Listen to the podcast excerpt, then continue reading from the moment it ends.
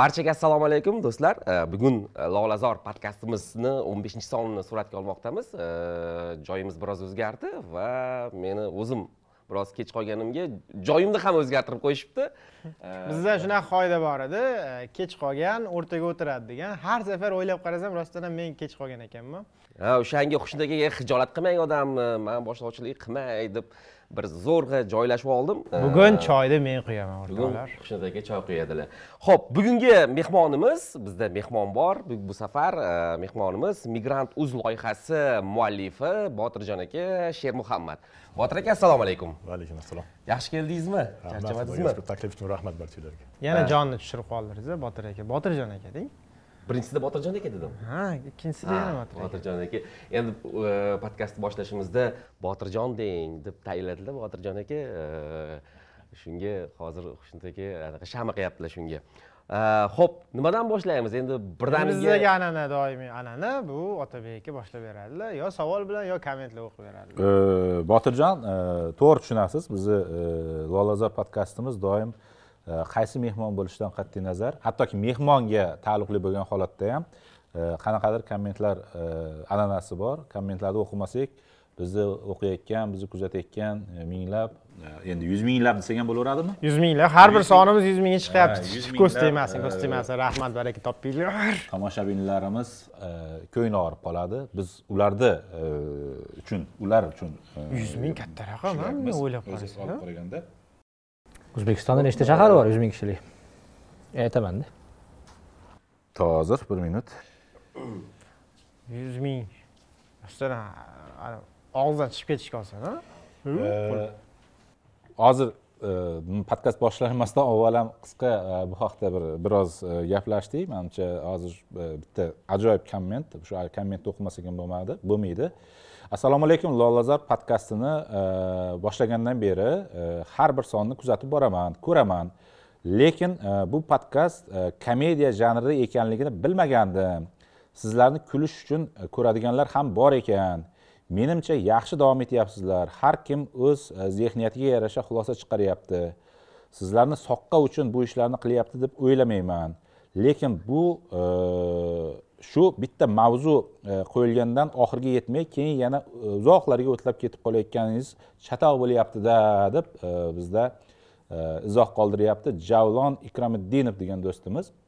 Men bu komment bilan bekorga boshlaganim yo'qman birinchi aytadiganim muxlislarimizga umuman tomoshabinlarga hamisha farqi yo'q. Lolazorni ko'rasizmi mevazorni ko'rasizmi nima gap podkastini ko'rasizmi? Farqi yo'q. Hamisha qanaqa mahsulot e, media mahsulot bilan tanishayotgan bo'lishingizdan qat'iy nazar ichingizda savolingiz bo'lsin. Doim savol bering. Hech kim mutlaq haqiqatga ega emas. Hammani o'zini haqiqati bor. E, shuning uchun e, bizni aytayotgan gaplar bu bizni haqiqatlarimiz bo'lishi mumkin. Bu bizni savollarimiz bo'lishi mumkin. Lekin hech qachon savol berishdan to'xtamang o'ylashdan to'xtamang. Bilingki e, qancha ko'p axborotga ega bo'lsangiz qancha ko'p ma'lumotga ega bo'lsangiz qancha ko'p ma'lumotlarni tahlil qila olsangiz shuncha mustaqilligingiz oshadi. Hech qachon bitta manbaga bog'lanib qolmang hech qachon bitta kitobga bog'lanib qolmang hech qachon bitta manbaga yoki podkastga bog'lanib qolmang. Ko'plab podkastlarni ko'ring bir biri bilan solishtiring tanqid qiling. E, juda yaxshi tanqidlar e, bor kelayotgan nimalar orasida kommentlar orasida. Shuning uchun kuzatishda davom eting. Shu podkast e, boshlanishida aytmoqchi bo'lgan va e'tibor bermoqchi bo'lgan e, gapimga juda mos bo'lgan sharh bo'lgani uchun shuni o'qib ketishni lozim topdim.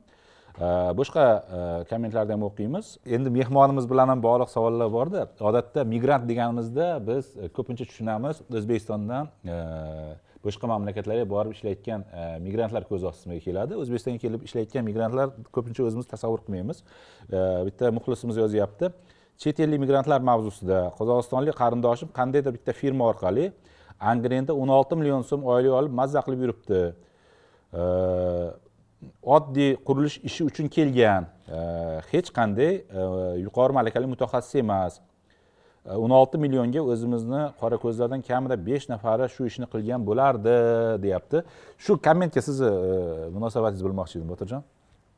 Endi albatta o'rganish kerak uni siz o'zi migrantlar e, mavzusi sizni asosiy temangiz siz o'zbekistonga kelayotgan migrantlar masalalari bilan shug'ullanasizmi yoki o'zbekistonlik migrantlarni xorijdagi faoliyati ko'proq sizga afsuski hozirgi kunda ko'proq xorijdagi muhojirlarimiz muammolari ko'proq. Shuning uchun shu bilan shug'ullanishga to'g'ri kelyapti. O'zi qisqacha o'sha migrant uz loyihasi haqida gapirib ketsangiz ham yaxshi bo'lardi. Endi muxlislarimiz biladiganlar bor bilmaydiganlar borda Э, shuning uchun qanaqa faoliyatinglar nima ish bilan shug'ullanadi shu haqida ham e, men o'zim ikki ming beshinchi yilda toshkent davlat yuridik institutini tamomlab moskvaga ketganman. Oktyabr oyida. Shundan beri o'n olti yil moskvada yashadim. Shu yerda muhojirlarimizni bilan doim ishladik. Yuridik xizmat ko'rsatdik. O'sha e, huquqlarni himoya qiluvchi xalqaro tashkilotda ishladim uch yil. Valentina chubik bilan. E, shu orada mana ikki ming o'n beshinchi yildan boshlab bir qancha muhojirlar uchun e, loyihalar qildik. Ikki ming o'n beshinchi yilda o'sha rossiyaga kirishga taqiq borligini tekshiradigan onlayn dastur qilganmiz migrant degan. O'zbek tojik va rus tillarida. Undan keyin ikki ming o'n yettinchi yilda gazeta chiqardik o'zbek va rus tillarida. Va o'sha ikki ming o'n yettinchi yilda majbur bo'ldik. Eng ko'proq majburlikdan bo'ldi. Sababiki savollar ko'p kelardi. Bir xil savollar aylanadi aylanadi.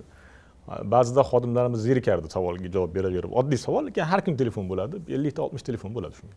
Shuning uchun mana shu savollarga qisqa javob qilib video qilib qo'yaylikda youtubegami bir joylarga odamlar kamroq savol bersin degan maqsadda boshlangan ish. Lekin u biz aytgan narsa bo'lmadi. Ya'ni auditoriya kengayib bordi savollar ko'payib bordi. Man ikki ming yigirma birinchi yilgacha faqat o'zim ishlardim. Ya'ni o'sha migrant degan kanal qilib o'sha pandemiya paytida aktiv ishladik boshqa ishladik. Shunda olib borardik va ikki ming yigirma birinchi yilda toshkentga kelib mana endi bu yerda tahririyat shakllantirib migrant o'zi bo'lib ommaviy axborot vositasi sifatida ro'yxatdan o'tdik. Rasman ishlayapmiz. Hozir mana agar men bilishim bo'yicha o'zbekistonda yagona ovozimiz chetda o'zini rasmiy muxbiri bor ya'ni turkiyada o'tgan hafta turkiyada bizimizni muxbirimiz ishni boshladi juda yaxshi jamoa yig'oldik э, bosh muharririmiz muslim mirzajonov ko'pchilik taniydi humonuzda boshqargan televideniyada ishlagan radioda ishlagan. Sohiba hayitboyeva o'sha turkiyadagi muxbirimiz e, zarnigor omonullayeva bizda ishlayapti. Ya'ni e, yaxshi jamoa yig'oldik ishlayapmiz. E, yaqinda mana media hakatonda yutib chiqdik g'olib bo'ldik. Ya'ni media menejerga aylandim men shunday desam bo'ladi. Oxirgi paytlarda hozirgi kunda ko'proq media menejerman lekin huquqshunos emas ko'proq. Undan tashqari o'zi shu moskvada doim aloqamiz bor yuridik firmamiz bor yuridik xizmat ko'rsatamiz. Ko'proq xarajatlarimizni bir ellik foizini shu bilan ham qoplaymiz desa bo'ladi. Mana o'sha media loyihani bir e, xarajatlarni qoplash ma'nosida. Lekin reklamamiz ham bor ishlab turibmiz. Bu qisqacha loyihamiz bo'yicha. Loyihamiz maqsadimiz bor ya'ni qayerda o'zbekistonlik muhojirlar bo'lsa e, o'sha yerlarda o'sha o'zimizni ko'rpunktlarini ochib va u yerdagi muhojirlarimizga yordam beradigan foydali kontent yaratish niyatimiz bor. Mana shu birinchi qadam turkiya qilindi. E, endi migrant uz asosan rossiyadagi muhojirlarimiz uchun qilingan maxsus qilingan e, loyiha. Vatandosh tv degan yangi loyiha yo'lga qo'yganmiz. Bu umuman o'z- chetdagi o'zbekiston o'zbekistonliklar o'zbeklar uchun bu yerda ko'proq madaniy tarixiy mavzular ham yoritiladigan bo'lyapti. Shuni ham boshladik hozirgi kunda. Endi siz anavi o'zbekistondagi migrantlar masalasida a, savollar paydo bo'ladi har safar o'tgan haftamidi adashmasam o'sha e, hindlar hindistonliklar nima bo'lganda hindlar nima qilib yuribdi degan savol paydo bo'ldi. Menga ham hayolimga keldi.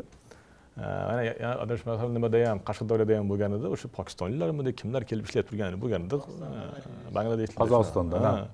Shunda haqiqatdan ham o'zimizda shuncha inson fuqarolarimiz chetda bir qiynalib ish izlab yurgan paytda yoki o'zimizda ham ishsizlik yuqori bo'lgan paytda qanday sabab bilan olib kelinyapti bilmayman uni o'rganish kerak. Men maxsus kecha o'rgandim.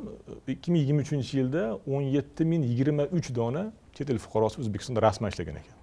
Ya'ni o'sha e, tasdiqnomani olib. ikki ming yigirma uchinchi yilda? ikki ming yigirma uchinchi yilda. Ya'ni bu e, kam emas umuman olganda o'zbekiston uchun o'n yetti ming odamni chetdan kelib ishlashga majbur kelib turganligi va o'n yetti ming odamga o'zimizda bir e, mutaxassis topilmaganligi ham bir savolda endi masalan. Ularni oylik ish haqi haqida ma'lumot yo'qmi? Ma'lumot yo'q.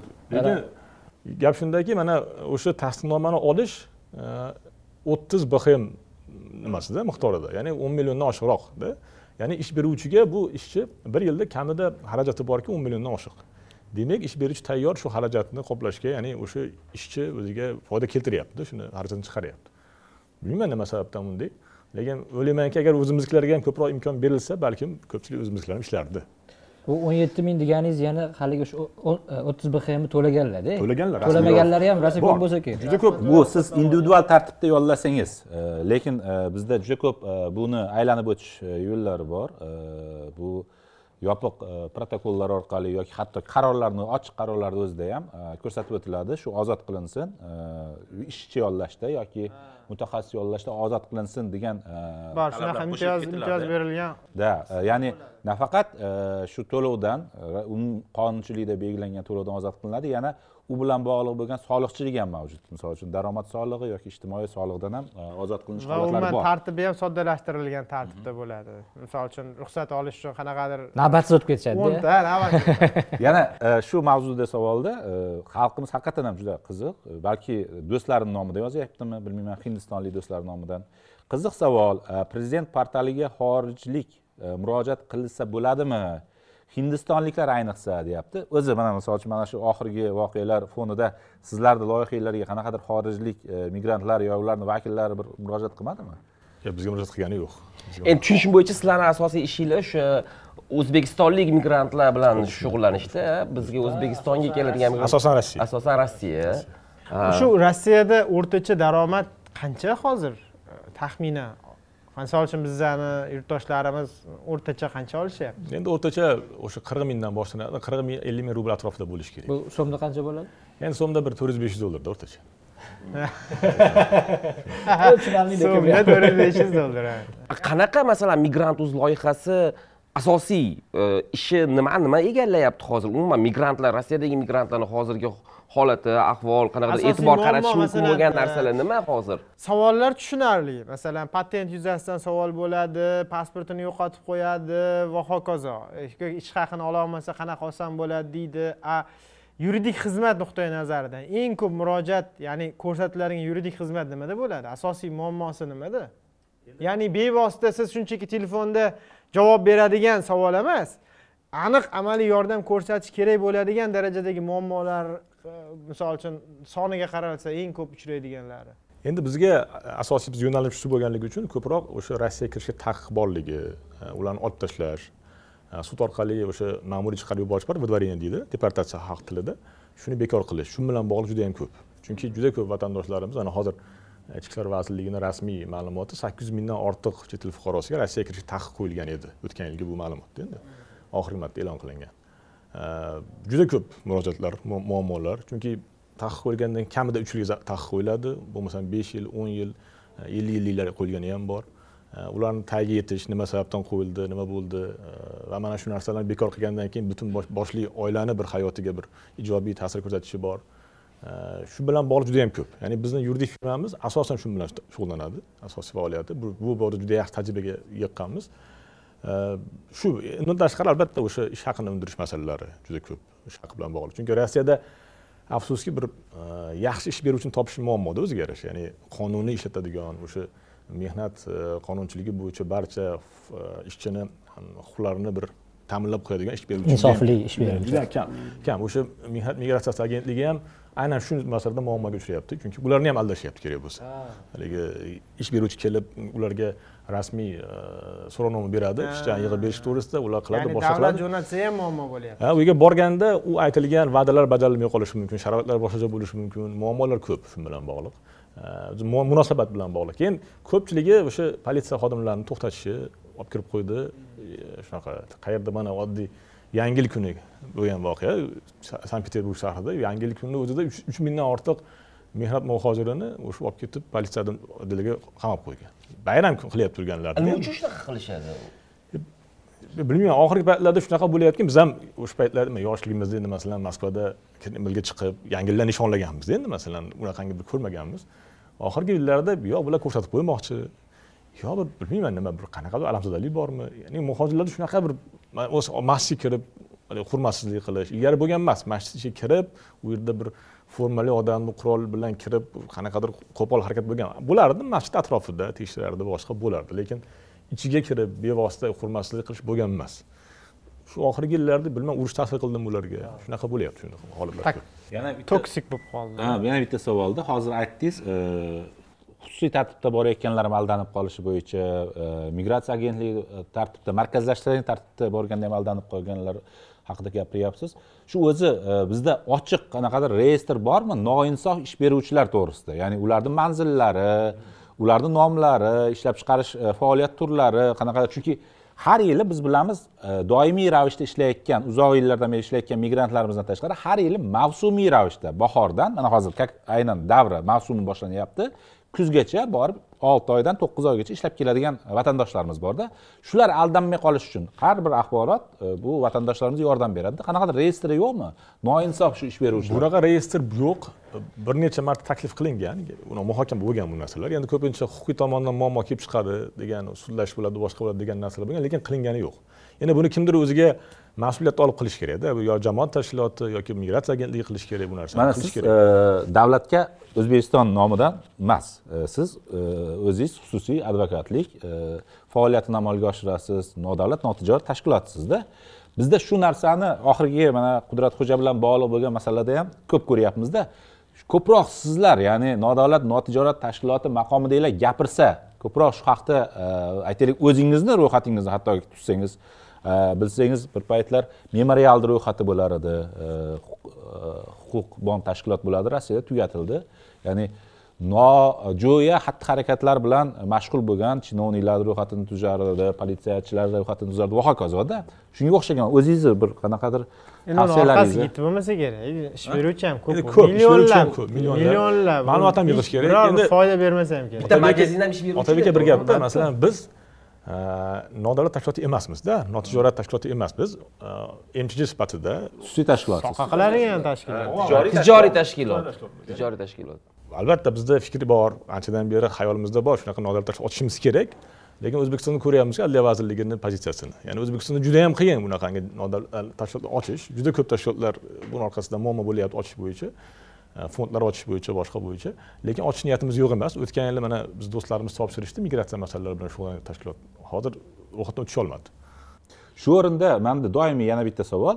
Nima sababdan rossiyadagi yirik shaharlardagi umuman butun rossiya federatsiyasi bo'yicha ham vatandoshlik jamiyatlariga o'zbekistonlik fuqarolar emas yoki o'zbekiston vakillari emas rossiya fuqarolari bo- fuqarolari bo'lgan e, shaxslar doimiy ravishda yetakchilik qiladi va ularni doimiy bayonotlari qanaqadir o'zbekiston pozitsiyasini ifodalamaydida. E, bu tabiiy bu narsa. bizni o'zi e, nofaol ekanligimiz bilan bog'liq emasmi mana hozir siz aytyapsiz nodavlat notijorat tashkilotlarimizni ro'yxatga olish muammolari mavjud deb.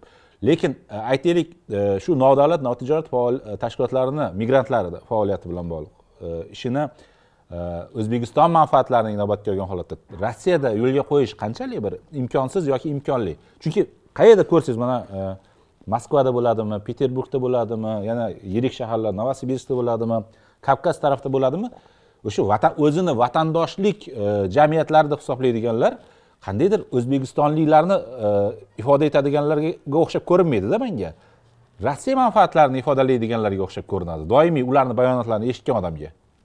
Endi bunday masalada bu yerda ikkita masala bor. Birinchidan diaspora deganda e, chetdan kelgan muhojirlar yoki migrantlar emas ya'ni o'sha yerda yashab turganlar tushuniladida.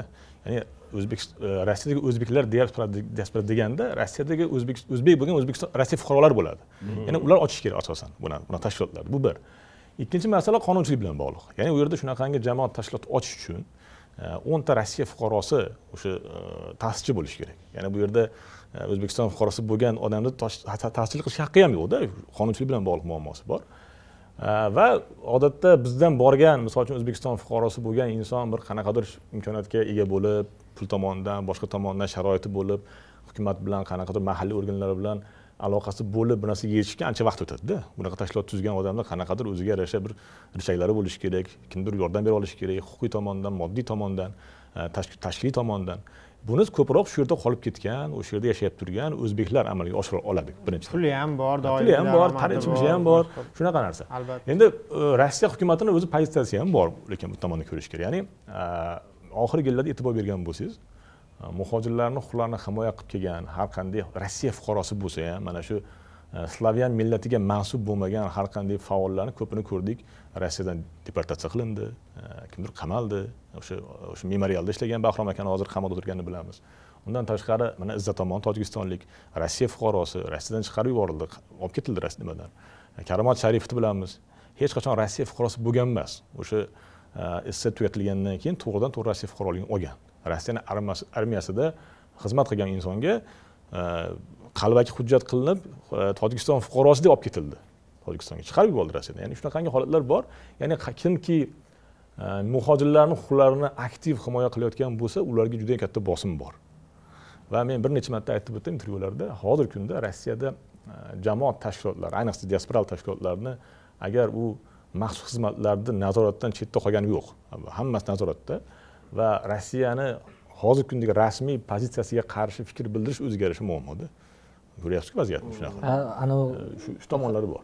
O'zbek diasporani rahbari одноклассникida nimadir deb yozib qo'ydiku o'sha urush to'g'risida. Ha usmon aka baratov. Ha bo'lmasam o'zi targ'ib qilib yuruvdi. Rossiya fuqaroligiga o'tinglar mana mana bunaqa pul beradi u yoq bu yoq deb keyin nimadir deb yozib qo'ydi butun rossiya matbuoti uni yomonlikqa chiqarib anaqa qilgandan keyin ish ochamiz bir narsa qilamiz deb. Ya, hozir nimada? Sizoda hozir u odam. Ha ha o'sha qamalgan. Jinoyat ochilgan hozir. Bo'lmasam shu odam shu rossiya hukumati uchun ishlayotgandi uni manfaati uchun ishlayotgandi qayerdadir bitta kichkina xatosini kechirishmadida hozir. Xato ham deb bo'ladimikin uni o'zi aslidada Ha, endi shunaqa vaziyat. Endi lekin u yerda yurgan o'zbeklarda ham albatta o'zbekiston uchun o'zbeklar uchun o'sha jon kuydirganlari bor bilamiz ularni hammasini lekin tushunish kerakki mana shu jamoat tashkilotini rahbariga ham mana hozir urush bo'lyapti boshqa bo'lyapti yuqoridan qanaqadir buyruq yoki iltimos keladida. Ya'ni o'zbeklarni ham targ'ibot qilib beringlar boshqa qilib beringlar degan maqsadda. Endi u narsaga e, yo'q deya olish olmaslik hammani o'zini imkoniyatidan kelib chiqadi. Shuning uchun ko'ryapmizki ba'zi hurmatli o'sha insonlarni ham shunaqa chiqib urushga targ'ib qilganlarni ko'rib qolyapmiz. Va bu yerda meni fikrimcha bitta narsa borki bizni hukumatimiz ishlamaganligi ya'ni bizni hukumatimiz diaspora bilan judayam mana oxirgi yillarda ishlashni boshlandi birinchidan. Va qachon amaldorlar bilan gaplashsangiz e, a falonchimi u- firibgar falonchimi boshqa degan munosabat. Ya'ni e, bu diasporaga bir qanaqadir yordam berish ko'mak berish u bilan bir yaxshi aloqalar tiklashga bo'lgan emas ko'proq ularni nazorat qilish ularni taftish qilish. Kim bu? Aldayaptimi? Boshqa yapti mana biz ko'rganmiz shaxsan o'zim bilan bo'lganda bizga bir ayol e, bitta baravarmiz ko'pchilik keladi muammo bilan elchixonaga borib ish bitadigan bo'lyapti birga borib turib yetalab borib kirib nima qilsangiz e, siz bilan kiritmaydi o'ziniki qabul qiladida bu odam sendan qancha pul oldi deydi. Nega seni olib kelyapti? Nega senga yordam beryapti? Hatto men elchixonada bir xodim aytgan edi siz nima nima haqqingiz bor? O'zbekiston e, fuqarolarini huquqlarini himoya qilishga deydi. Shunaqa bir savol beryaptida bu bilmayman qanaqa aytdim kechirasiz bu nima litsenziya talab qiladigan faoliyatmi dedim nima u o'zbekistonlik bo'lsa xuni nazorat qildik yuridik sifatida qilyapman shunaqa holatlar bo'lganda shuning uchun e, men e, taklif qilganman o'z vaqtida. E, Moskvada katta bir yig'ilish bo'lganda o'sha sodiq safoyev bilan ne'matulla yo'ldoshев kelishgan. Bu paytda ular senatda ishlardi ikkalasi ham mana o'zi rossiyada ishlab turgan jamoatchilik tashkilotlarini rahbarlari ancha muncha joylarda o'sha mahalliy hokimiyat bilan aloqasi bor va hozirgi kunda muhojirlarga yordam berib kelyapti o'zbekiston fuqarolariga qo'ldan kelganicha. Lekin ularni tashkilotlarni e, faoliyatini amalga oshirishda moddiy moliyaviy tomoni hal qilinmagan. Ularni puli yo'q bu bilan shug'ullangan. Hatto ofisini e, ijaraga olishga ham puli yo'q. E, ular majbur bo'ladi ko'pincha kimdir yonidan yordam berib yuradi ancha muncha lekin oxiri borib borib qanaqadir pulli xizmat ko'rsatishga to'g'ri keladi ularga. Hujjat qilishga yordam beradi maslahat qiladi boshqa qiladi. Va shu narsani juda yam yomon bizda qabul qilinadi. Bu mana pul qilyapti muhojirlardan degan. Taklif qilgandimki o'zbekiston hukumati mana o'zbekiston fuqarolarini muammolarini hal qilyaptigan mana shu tashkilotlarga qanaqadir grantlar bersin ko'mak bersin. Chunki ular o'zbekiston davlatini muammolarini ishlarini hal qilishga yordam beryapti o'zi pul bersin kerak bo'lsa o'zi nazorat ham qilsin. Qilsin. Lekin ikkinchi tomoni bor masalan rossiya hukumati bunga qarshi bo'ladi. Ya'ni rossiya hukumati o'zbekiston tomonidan agar rossiyadagi jamoat tashkilotiga agar hisob raqamiga pul o'tsa uni ham undan keyin ham muammo shuni o'zbekistondagi jamoat tashkilotini u yoqdagi filiali qilib ishlasa bo'lmaydimi? Ha, bo'ladi albatta bo'ladi. Endi kimdir kimdir qilishadida kim qiladi uni? Qiladigan odam kerak. O'zbekistonda shunaqa jamoat tashkiloti bor? Men ham hozir shuni so'ramoqchi edim o'zbekistonda migrantlar huquqlarini himoya qiladigan biror jamoat tashkiloti Bor, men biladiganim vatandosh bor lekin u ham huquqlarini himoya qilish uchun emas u. Bir qanchalari bor. O'sha mana barkamol avlod bor barqaror hayot bor mana kuni kecha termizda treningdan keldik. Nomlari migrant shunaqa nomi mashhur emas hatto barkamol avlodni kol sentri ham bor. Ular migrantlar bilan shug'ullanadi. Migrant bilan shug'ullanadi shug'ullan nima yigirma yildan beri shug'ullanar ekan shunaqa bir mana siz ham shug'ullanar ekan deyapsiz siz uchun ham qaysidir men uchun ham yangilik ko'pchilik bilan tanish emasmiz men ularni hatto ozgina tanqid ham qildim sizlar mana bilmaysizlar mana biz migrantlar uchun maxsus birorta ob yo'q. Bizmiz misol uchunda sizlar bir bizga chiqmaysizlar ham bir intervyu bermaysizlar boshqa qilmaysizlar o'zinglarni faoliyatlarga yoritmaysizlar boshqa u migrantlar umuman bilmasa kerak bechoralar unaqa desam aytamizki "E, bizda bir yilda falon mingta odam murojaat qiladi deyapti ishlaymiz deyapti. Shunaqa shunga mana misol uchun man qanaqa tasavvur qilaman doim soddalashtirish tarafdorimanda qanaqadir bizda bir platforma tashkil qilsa bo'ladimi to'qqiz bir biriga o'xshagan to'qqiz yuz o'n birga o'xshagan boramiz favqulodda yo'q mana misol uchun kodi bilan emas boshqa bilan emasda mana uchta raqam terasiz aytaylik olti yuz oltmish yetti yoki yetti yuz yigirma sakkizni terasizda siz favqulodda holatdasiz misol uchun sizga zo'ravonlik ishlatilyapti kuch bilan yoki qo'rqitish bilan zo'ravonlik ishlatilyapti siz hech bo'lmasa o'zingiz qayerda ekanligingizni xabardor qilib qo'ya olasiz. Sizga nisbatan kim e, zo'ravonlik ishlatayotganini xabardor qilib qola olasizda. Man buni nima uchun aytyapmanki e, migrantlarimiz eng ko'p e, yuzaga keladigan ro'paraga keladigan muammolardan biri bu noma'lumlik bilan bog'liqda ya'ni ba'zi bir migrantlarimiz shu poyezddan tushishiga yo'q bo'lib qoladi. Uch kun bir hafta keyin o'n besh kundan keyin qayerdandir topiladi qaysidir politsiya uchastkasidan topiladida. Bu absolyut noma'lumlikda. Hech bo'lmasa sms orqali yoki telefon qo'ng'iroq imkon bo'ladigan bo'lsa shuni tashkil qilish mumkinmi misol uchun? Albatta mumkin. Xohish bo'lsa aka hamma narsani qilish mumkin. Uning uchun xohish kerak qanaqadir tahlil kerak strategiya kerak tushunyapsizmi? Bizda men bilmayman. Gap faqat man hozir endi siz aytishingiz mumkin faqat rossiya haqida gap ketmayapti. Umuman butun dunyo bo'ylab o'zbek migrantlari mehnat migrantlari e, o'zini faoliyatini yo'lga qo'yyapti. Farqi yo'q. Polshada ham bu narsa yuz bergan bo'lishi mumkin bu narsa mongoliyada ham yuz berib qolishi mumkin. Migratsiya agentligini sayti mana e, xolis bo'lishi kerakda E, saytida adashmasam ko'rdim. Shunaqangi so'sga o'xshagan knopkani ko'rdim. Endi u internetda qilingan narsa so'z qilingan narsa. Bepul konsultatsiya ham bor ekan boshqasi ham qilinyapti.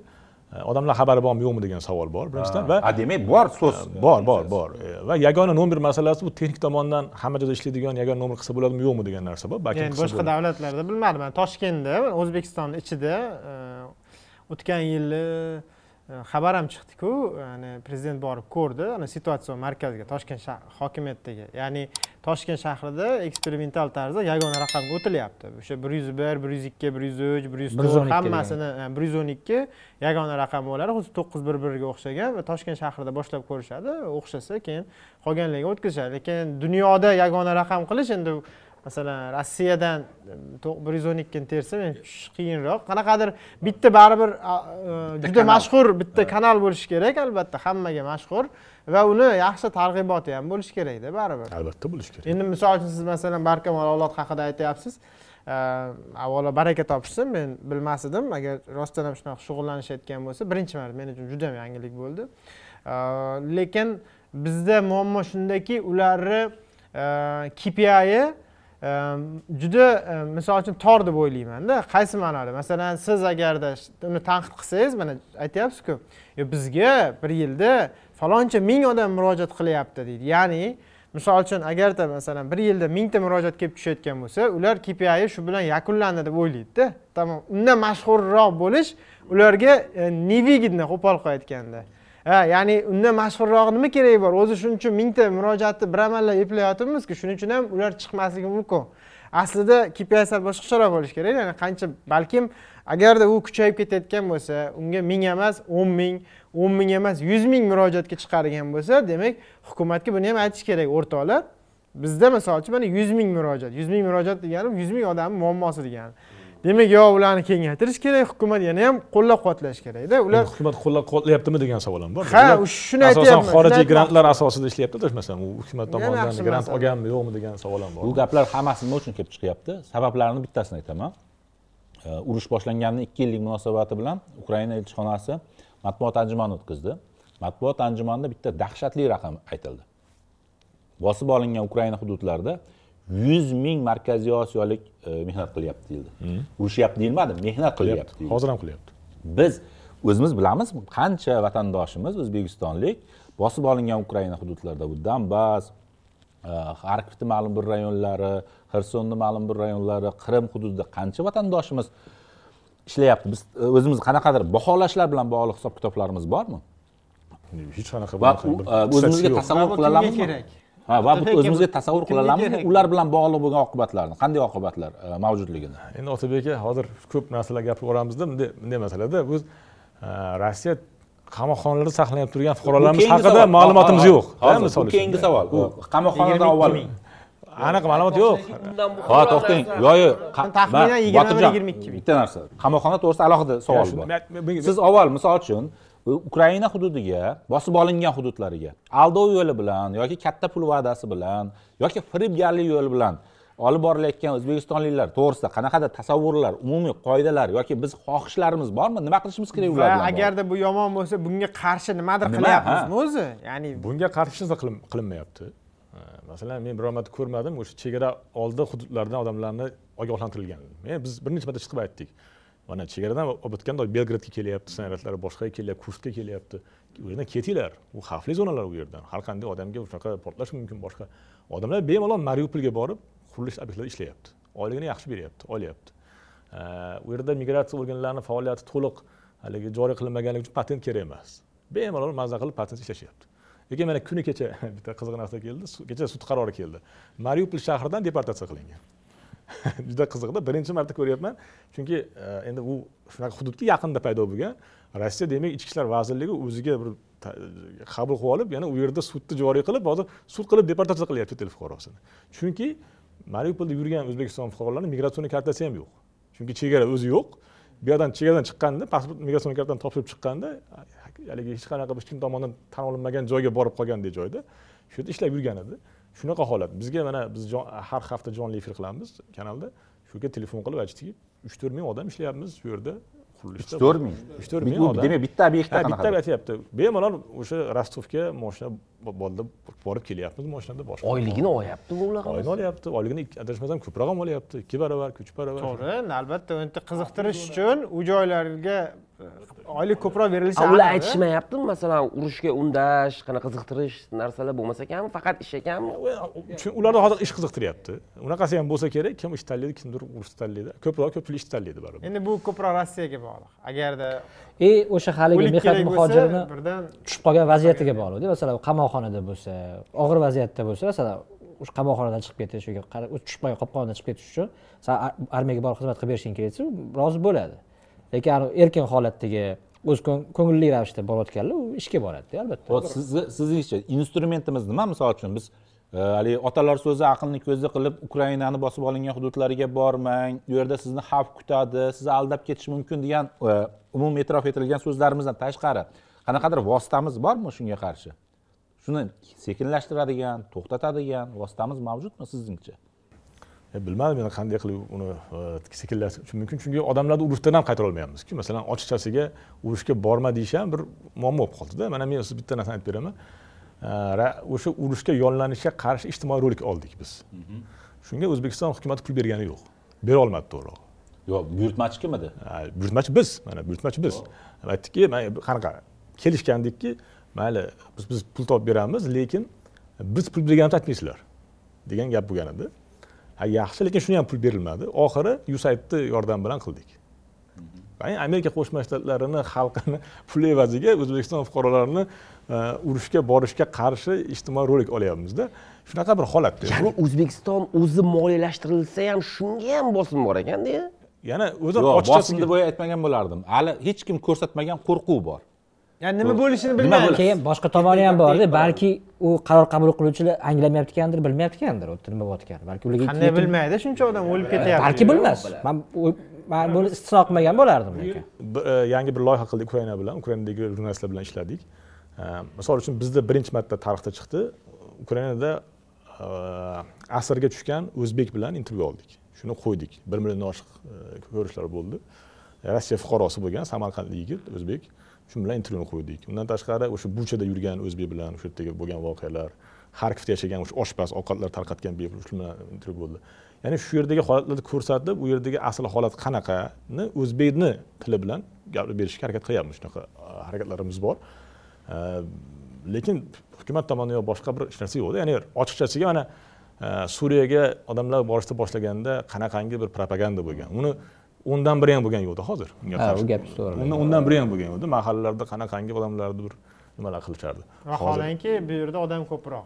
Odam ko'proq. Suriyaga qaraganda suriyadan qancha o'sha insonparvarlik yo'li bilan bir agar adashmasam besh yuzdan ortiqroq e, Ha, mehr operatsiyalari. vatandoshlarimiz mehr operatsiyalari orqali olib kelindida. Bu yerda o'n minglab e, kechagi raqam bo'yicha yuz minglab odam haqida gap ketyaptida. Yana bir narsani hisobga olish kerak. Rossiya hukumati hozir rossiyani to'rtta zonaga bo'lgan o'sha harbiy holat bilan bog'liqda. Ana chegara oldi hududlarda harbiy holat joriy qilingan. Ya'ni mana shu misol uchun siz hozir mariupolda yo boshqa joyda e, o'sha yerdagi военный administratsiyani harbiy administratsiyani buyrug'i bilan sizni har qanday huquqdan mahrum qilishi mumkin. Qatl qilishgacha. Haligi sizni majburiy ishlarga jalb qilish mumkin. Yozib qo'yilgan u narsa. Biz demak muhojirimiz borib yuz ming yurgan bo'lsa yuz mingtasini kelinglar bor bugun okop koplaymiz desa ularda huquqi yo'q buni yo'q deyishga. Ularni ish haqini Qonunan huquqi yo'q. qonunan huquqi yo'q ularni ish haqini bermasa kimga murojaat qiladi? Qani yerda hukumatchisi bormi politsiya bormi kimga murojaat qiladi? Ya'ni u yerda hech qanaqangi hozir qonuniy bir rechaylar yo'qda ular yordam beradigan va albatta o'zbekiston hukumati nimadir qilish kerak u yerdan olib chiqish uchun odamlarni. Bu borada bir qanaqa taklif ham yo'q fikr ham yo'q bir tahlil ham hech narsa yo'q. Men hozir ko'rganim yo'q shu paytgacha. A, nima deb o'ylaysiz bir bilmayman hali. Chunki o'zbekiston e, bosib olingan ukraina hududlarini rossiya hududi deb tan olmaydi. Bu xalqaro huquq bo'yicha xuddi shunday o'zbekiston xalqaro huquqqa amal qiladi norasmiy ravishda shu hududlarga borib o'rganishlar amalga oshirilyaptimi yoki umuman bu haqda hattoki o'rganishlar ham mavjud emasmi menda xabar yo'q bunaqa borligi haqida endi u hududlarga borishgani yo'qku lekin o'zi noyabr oyidami juda katta delegatsiya ketdiku qahramon quronboyev aynan rahbar bo'lib ketgan edi ya'ni deyarli hamma vazirlikdan juda katta delegatsiya borib aynan menimcha juda urush tomonga borishmadiyu. Taxminan shu atrofdagilari borib o'rganib so'rovlar qilib nimalardir qilib kelishdi. Endi uni xulosalari o'zi bu haqida ham bir biror joyda keng faol yoritilgani yo'q va uni xulosalari ham aytilgani yo'q. Lekin men o'ylayman o'sha delegatsiyani tarkibida katta ehtimol bilan baribir aniq em, xavfsizlik nuqtai nazaridan ham vakillar borib o'rganib ya'ni holatga qandaydir bir balki ijtimoiy so'rovlar qilishgan sotsiologlar ham borgandir balkim va qanaqadir xulosalar qilgan ну, e, biz bilmaymiz uni va undan keyingi qadamlar ham ko'rganimiz yo'q. Agar nimadir xulosaga kelingan bo'lsa undan keyingi qadamlar ham balki yashirin bo'layotgandir oshkora emas. Bu yashirin bo'layotgan bo'lsa ham men roziman. Yana bir holat mana misol uchun e, ota onalar bu yerda qarindosh urug'lari juda ko'p holatda farzandi e, bosib olingan hududlarda ishlayotganini ham bilmaydida. Juda ko'pchilik holatda e, aytib berishlari bo'yicha biz rostovdamiz bir krasnodar o'lkasidamiz degan e, nimalarni aytishadi e, yerda ishlayotganlar bahonalarda aytishadi. Ya'ni ota onalar juda ko'pchiligi hozir mana shu yerda mani eshitib turganlar ham bo'lishi mumkin ota onalar birinchi navbatda farzandlarini ayni holatda ayni kunda qayerda ishlayotganini yaxshiroq bir o'rganishlari kerak yaxshiroq so'rashlari ham kerak. O'rgandi otabek keyin nima bo'ladi? Ah, qarang. Hech bo'lmasa qarangda qarang ona. bola farzand har qanday farzandni tiyib turadigan narsa ota ona oldidagi javobgarlik ota ona oldidagi mas'uliyatda. Qarang u pul uchun chopib ketishi mumkin u qanaqadir va'da qilingan fuqarolik uchun chopib ketishi mumkin lekin ota onani yuziga kamdan kam o'zbekistonlik vatandoshimiz oyoq qo'yadida. Tushundim lekin boshqa tomoni bor o'sha ota onani o'zi urushga xayrixoh bo'lsachi. Bu endi juda bu boshqa masalada lekin man ishonchim komilki o'zbekistonliklar hamisha tinchlik tarafdori bo'lgan o'zbekistonliklar ota onalar ayniqsa yoshi katta bizni onaxon otaxonlarimiz hech qachon urush tarafdori bo'lmagan. Mutlaq ko'pchilik qismi hech qachon urush tarafdori bo'lmagan. Chunki har doim dasturxon ustida urush o'tirilganda tarafdori deyish dasturxon ustida o'tirilganda birinchi so'raladigan narsa doim tinchlik to'g'ri yo urush tarafdori deyish noto'g'ri ibora bo'ldi. Rossiya taraf bo'lsa xayrixohlarni ham ko'pi urushga borishga tayyor emasda uni mana bunaqa juda kam narsada odam u urushsin rossiya yutsin deydi lekin o'zini bolasi o'sha yerda yurishini hech kim xohlamaydi manimcha. U ming rossiya taraf bo'lsa hamda istalgan vaqtda mariupolga ani haymarsni bitta raketasi kelib tushishi mumkinda endi misol uchun bilmadim. Men o'zim shunaqa tasavvur qilamanda masalan aya men mariupoldaman desa u yoqda nimadir reaksiya bo'lishini u qayerdaligini bilmasligi ha tushunyapsizmi? ya'ni u mariupol qayerda hozir ahvol qanaqa? Birorta mana misol uchun ichki matbuotimizda davlat rasmiy misol telekanallarda asosiy yetmish foiz sakson foiz odam telekanal ko'rsa e, bu haqda bir og'iz ham gap aytilmaydi. Ya'ni mariupol qayerda o'zi va qay darajada o'g'liga bu xavf borligini bilmaydiku. Misol uchun juda bo'lsa aytadiki ya bu yerlar tinch rossiya yorib tashlagan hammasini hech qanaqa qo'rqmang deydi. "A, to'g'ri deydi rossiya kuchli deydi. Ya, ya'ni nimadir reaksiya bo'lishi o'zi xushnudbekda ota onalarga juda ko'p meni e'tirozlarim bor. Chunki mana har birimiz men hayron qolaman har birimiz farzandlarimizni yaxshi ko'ramizda bunday deganda. Endi tasavvur qiling siz farzandingiz tayyor emas chetga chiqishga yuboryapsiz. Na tilni biladi na bir umuman katta shaharlarda bo'lmagan bo'lishi ham mumkin. Siz chetga yuboryapsiz umuman begona yurtga begona bir joyga. Va u kim bilan ishlayapti qayerda ishlayapti nima ish qilyapti ho'p u borgandan keyin qo'lida kasbi bormi? Tilni biladimi xabari yo'q. Umuman qiziqmaganlik. O'sha yaqinda chiqqan u boburni nimasi ham vayni ham shu qiziqda pul yuborsa bo'ldi deb qoldi odamlarga. Ha. pul yuborsa bo'ldi sen qanday pul topding? Nima qilding? Qiziqmayapti odamlar. Boburni vaynini qo'yib ketingda shu joyga? Bobur mansurov bobur mansurovni chunki e, chemodan bilan kelyaptida. Haqiqatdan shunday holatlar juda ko'p. Yangi yilga keladida pulini topshiradida xotin bola chaqasini onasini ko'radida yangi yilni o'tkazib yana qaytib ketadida O'lim bo'shadim sumkacha. Men ketdim. E? Oyoqqa? Rossiyaga ichini to'ldirib kelay. Sizlar uchun ishlayapman. Sizlarga men kerak emasman. Sovg'a salomlarim kerak, kiyim kechaklarim kerak, telefon kerak, iPhone kerak. Mana tushukchani ham olinglar, rossiyskiy. to'xta bolam kasaling bordir bir e, davolatishing kerakdir sog'lig'ing nima bo'lyapti u yerdagi ahvoling qanaqa deb qiziqmaydiganlar ham bor afsuski ko'pchilik emas lekin bor ko'proq bo'ling keyin bitta anaqa botirjon aka e, bir kommentariy o'qigandim. Mana ham boya otabek aka boshlaganlarida hozir esimga tushib qoldi. Shu haqida sizni fikringizni bilmoqchi edimda. E, bir e, do'stimiz yozgan mana sizlar o'tirib har xil o'zinglarni kontentlaringlarda rossiyani pozitsiyasi uni qilayotgan ishlari haqida gapirasizlar doimiy mana bosqinchi deysizlar unaqa deysizlar bunaqa deysizlar. A sizlar bizni hech qachon migrantlarni bu yerda ishlayotgan migrantlarni o'ylamaysizlar. Sizlar u yerda o'tirib mana shunaqa gapni gapirganinglardan keyin bu yerda shu hukumat tomonidan bizga turli qanaqadir bosimlar bo'ladi. Sizlarga anavi tanasi boshqa dard bilmas deganday mana shunaqa fikrlar bildirasizlar degan bir gap gapiribdida. Endi men o'zim ikkala tarafga ham o'zim qo'yib ko'rib tushunib ko'rishga harakat qildim o'sha odamni o'rniga hamda. Masalan sizni o'zizni fikringiz qanaqa? Masalan biza u haqiqatdan ham ularda o'zbekistondagi holat ya'ni ochiqchasiga mana rossiya yomon shunaqa ish qilyapti degan holat u yerda migrantlarga bosim bo'lishiga sabab bo'ladimi? Yoki o'sha do'stimizni gapida qanaqadir jon bormi? Bunga e'tibor berish kerakmi yoki berish kerak emasmi Ya, bizdagi meni fikrimcha bir faollarni yoki bir e, blogerlarni chiqishi hech qanaqa ta'sir qilmaydi. U yerda shunaqa ya'niki e, misol uchun dedaman doim qiziqda o'zbekiston bilan rossiya ittifoqchi davlatlar. Biz ittifoqchimiz ya'ni biz judayam e, do'st- munosabatlarimiz ittifoqchilik darajasiga ko'tarilgan deylik. Yo'q, ittifoq yo'q. emasmiz.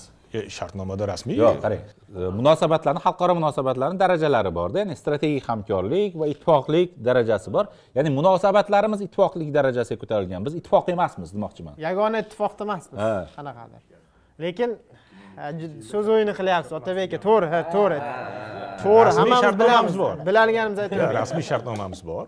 Ya'ni bizni judayam do'stona davlatimiz rossiyaga biron marta rossiyani manfaatiga qarshi bir harakat qilganimizni eslay olmayman misol uchunda.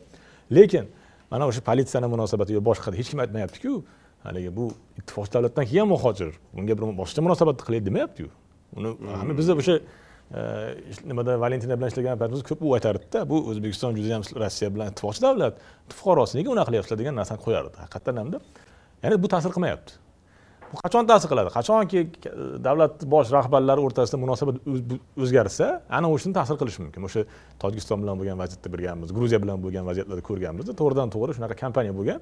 Shuning uchun gruzinlarni aynan gruzinlarni o'zini bir deportatsiya qilish yoki shunaqa narsalar bo'lgan. U lekin u davlatlar o'rtasidagi shunaqa bir munosabat buzilgan paytda bo'lgan edi. Lekin jamoatchilik chiqqani uchun unaqangi narsa yo'q. Ya'ni bu aytamanki bu o'zi davlat o'rtasidagi manaqa o'zi aslida bo'lishi kerak bo'lgan narsa aloqasi yo'q. U yerda faqat tepadagilar bir buyruq bermasa u pastda yurgan politsiyasiga qizig'i yo'q. U qayerdan keldi nima qildi pulni bersa bo'ldi bunga bunday deganda gapirsak bo'laverar ekan yaxshi. Yo'q yo'q mana bunaqa narsa tomoni bor. Masalan qudratxo'ja rus tilida gapirdi yetib bordida.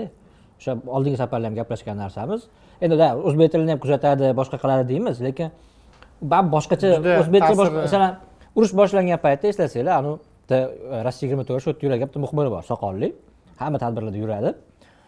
Siz aytayotgan ittifoqchilikni bahona qilib bizni o'zbekiston bilan ittifoqchi mamlakatmiz lekin mana gazeta ruscha sayt rus tilidagi versiyasiga yoki makarenko rus tilida yozadi. Mana lekin bular ittifoqchilik munosabatlarini buzishga harakat qilyapti. Nifoq solyapti rossiyani anavi e, harakatlarni qoralayapti bir narsa deb aynan o'sha ittifoqchilik munosabatlarini bahona qilib rossiya olib boruvdida o'sha rossiyaga to'rgacha olib chiqishuvdi shu e, bularni tanqidiy fikrini ya'ni urushga qarshi fikrini. Joy joyi kelsa ular o'zi uchun ishlatadi.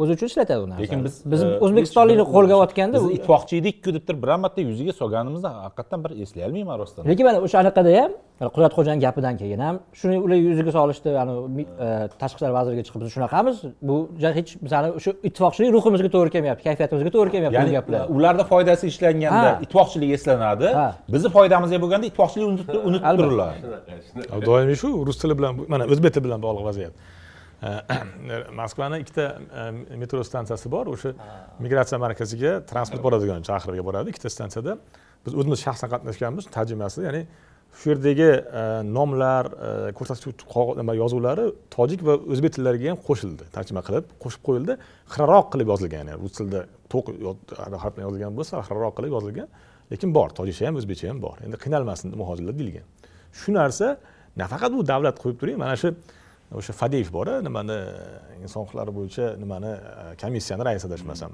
prezident huzuridagi. Shunga yoqmayapti bu narsa. Ya'ni jamoatchilik vakillarini shu narsani ko'tarib chiqdi? Bu nima bu noto'g'ri bu o'zbekiston o'zbek tilida tojikcha yozyapti deb shuni tanqid qilishdi. Lekin urushga targ'ib qilish kerak bo'lgan paytda o'zbek tilida ham gapirdi tojik tilida ham gapirdi. E.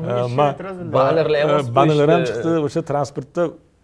Nima ketyapti audio anaqada ketyapti targ'ibot? O'zbek va tojik tillarida muammo yo'q o'zlari kerak bo'lganda ishlayveradi bu narsa muammosi yo'q uni endi e, rossiyani bizni foydamiz kelganda ishlamasligi ularni o'zini foydasiga kelganda ishlashini asosiy sababi bizni bir necha million aholimiz rossiyadada agar rossiyani bir necha million aholisi bizni migrant bo'lsa unda balki qanaqadir e, tarozi mutanosib bo'lishi mumkin. To'g'ri relakantlar hisobiga nima qiladi degan savol borda men doim o'ylayman ho'p. Ha, o'shanga olib kelmoqchiman. o'shanga olib kelmoqchiman. Mana lazzakani savoli ham shunda mazmunan shunaqa bo'lyaptiki biz misol uchun agarda migrantlar e, rossiyadagi yurtdoshlarimiz musofirdagi ishlayotgan insonlar voy juda rossiyani yomonlavermanglar biz qo'pol qilayotganda garovdamiz bu yoqda. Sizlar nimadir u yoqda qilsanglar bizga haligi e, nima deydi minus bo'ladi deb biz har safar har bir harakatimizda e, rossiyada ishlayotgan millionlab yurtdoshlarimizni ko'z oldimizga keltiramiz. Yani tanasi boshqa dard bilmasa emas baribir kimnidir jiyani tanishi qarindoshi qo'shnisi o'sha yerda bu g'irt yetti yot begona bo'lgani bilan u o'zbek bizni vatandoshimiz baribir ichimizda shu narsa o'tadi ularga minus bo'lmasmikin deb.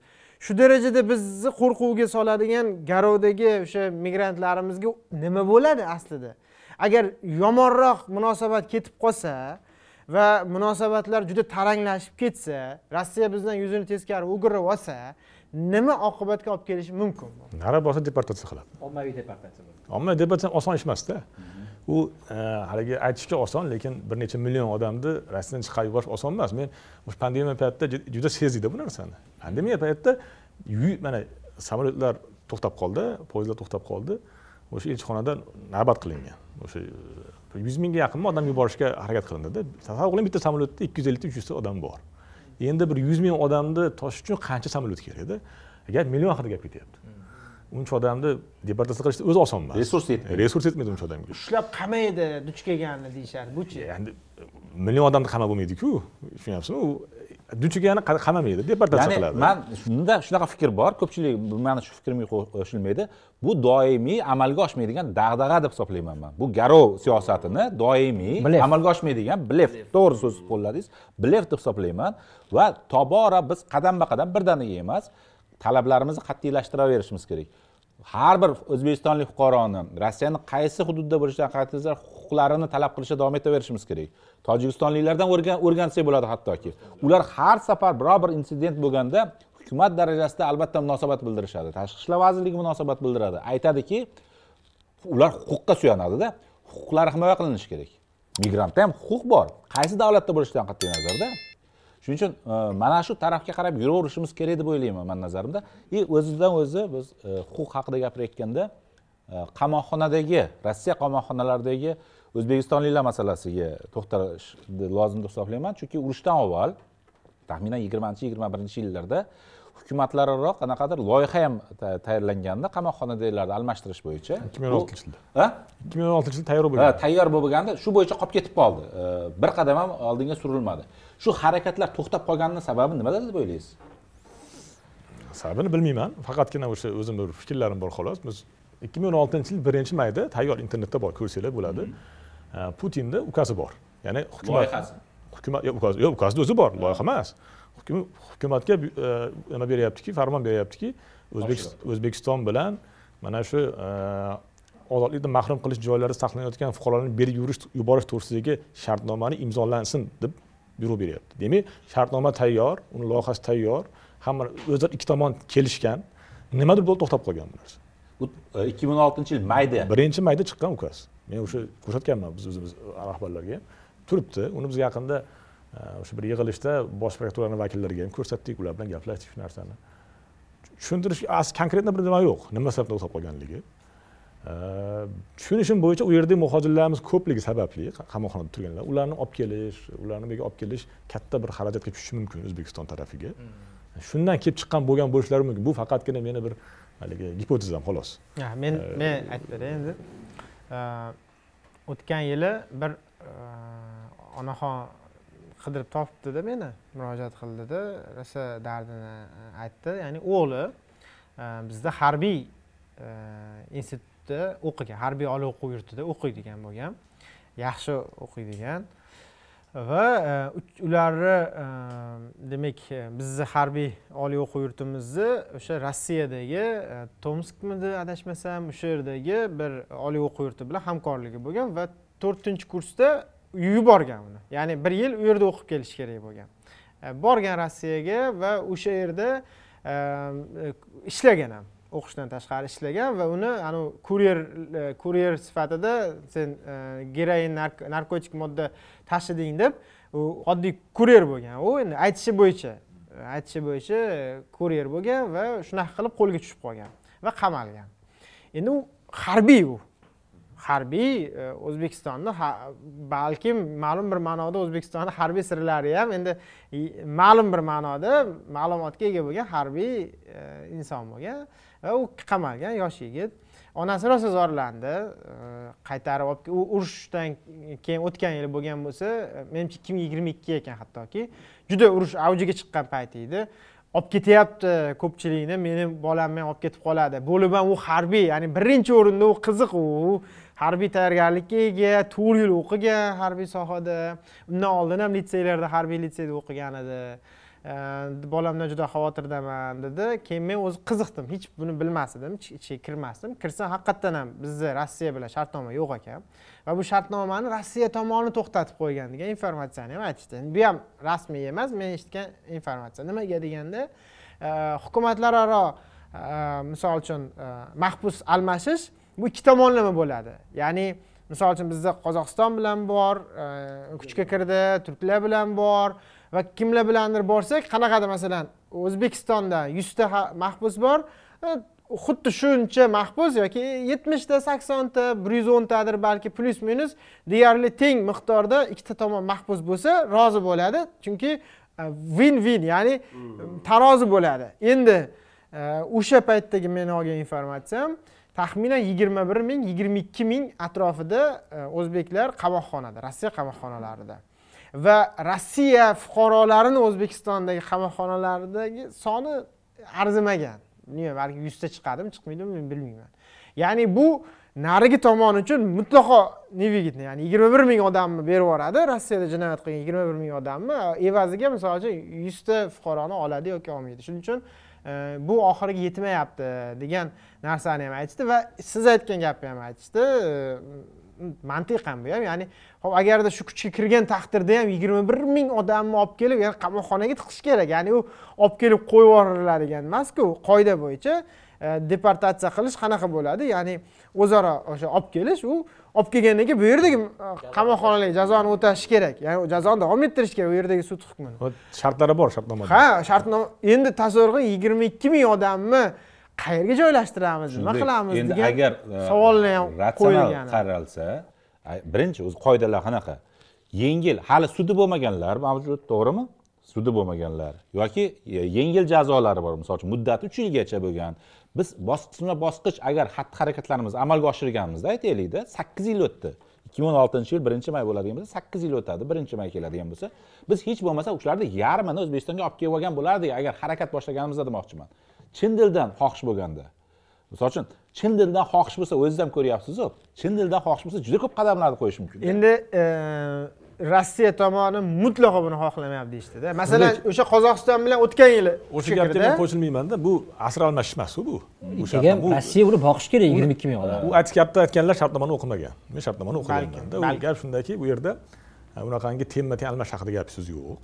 Yo'q yo'q yo'q tengma teng almashish haqida gap so'zi yo'q. U mana mantig'i shuki mahbuslar davlatlararo mahbus almashishi mantig'i shunda. Baribir u u o'sha shartnoma rossiya uchun ham e, ishlaydiku o'zbekistondagi mahbuslar uchun. Ya'ni ikkinchi tomonda bunda haligi birorta o'zi e, boshqa masalan qozog'iston bilan bormi rossiyada? Bu- bo'lishi kerak rossiya bilan qozog'iston. Ko'p davlatlar bilan bor.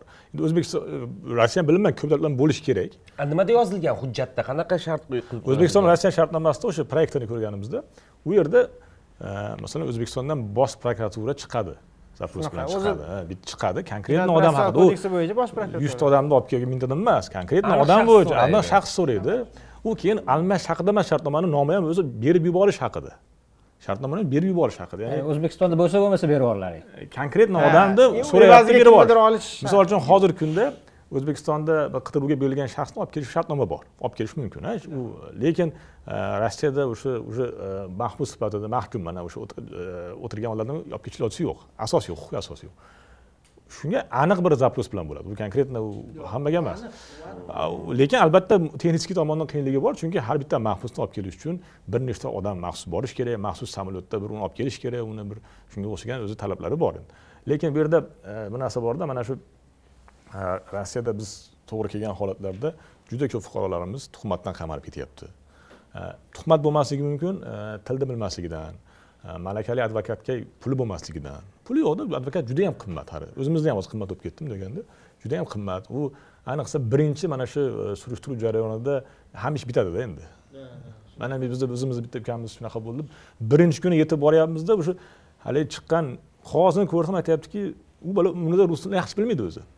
U nimani tergovda anaqasida ko'rsangiz men rus maktabida o'qiganman menga tarjimon kerak emas deb imzo qo'yib beryapti. Haligi shunaqangi bir holatlar juda ko'pda endi. Ya'ni shuning uchun hisobga olish kerakki e, ko'p vatandoshlarimiz olib kelib olsak e, birinchidan yaqinlari qiynalib uzoq vaqtda bormasdi. Yaqinroq bo'lardi shu yerda ko'rgani borardi. Ikkinchidan sharoitni ham yangi yaxshiroq qilib bersa bo'lardi. Bunaqangi mana urushga targ'ib bo'lmagan bo'lardi. E, va balkim kimlarnidir oqlab olib chiqish mumkin bo'lardi. Men o'shanda to'g'risi chiqmagan idoram qolmadida. Ya'ni o'zim ta'sirlandim boshqa mudofaa vazirligi bilan ham gaplashdim boshqa huquqni himoya qilish organlari bilan ham yoshlar ishlari agentligi bilan umuman hukumat kimniki bilsam shunga aloqador bo'lgan e, gaplashdim bosh prokuratura bilan ham e, aynan ular vakolatli bo'lgani uchun bu masalani ham gaplashdim va aytyapmanki qandaydir iloji yo'qmi? Ya'ni ayni hozir aktual mayli men rostdan ham o'ylamasdim hozir mana man hech bo'lmasa yoshlarni olib kelish haqida bir qanaqadir shartnoma qilsak bo'lmaydimi? Misol uchun mayli endi yoshi kattaligi nisbatan hurmatsizlik ma'nosida emas. Chunki yoshlar baribir potensial qiziqqon va aldashi mumkin to'g'ri yo'lga e, oq va qorani ajrata olmasligi mumkin. E, yoshlarni hech bo'lmasa olib kelaylik u juda ko'pchiligi. Aynan o'sha mahallalarda e, bir videolar ham chiquvdi. Ya'ni o'z bir nechta o'zbek yoshlari o'sha mahbus bo'lib qamoqdagi yoshlarni ukrainaga olib ketib ular bir nechtasi o'lgan keyin nechtasi asirga tushgan videolar olib ukraina tomon tarqatuvdi. Ya'ni shularni fonida bo'luvdida shu. Endi rosa aytuvdim endi e, rejada bor lekin qiyin bo'lyapti. Juda yam erishish qiyin bo'lgan masala bo'lyapti deyishdi bilmadim. Endi rostdan ham keyin qiziqib ko'rmaysizmi natijasi bilan?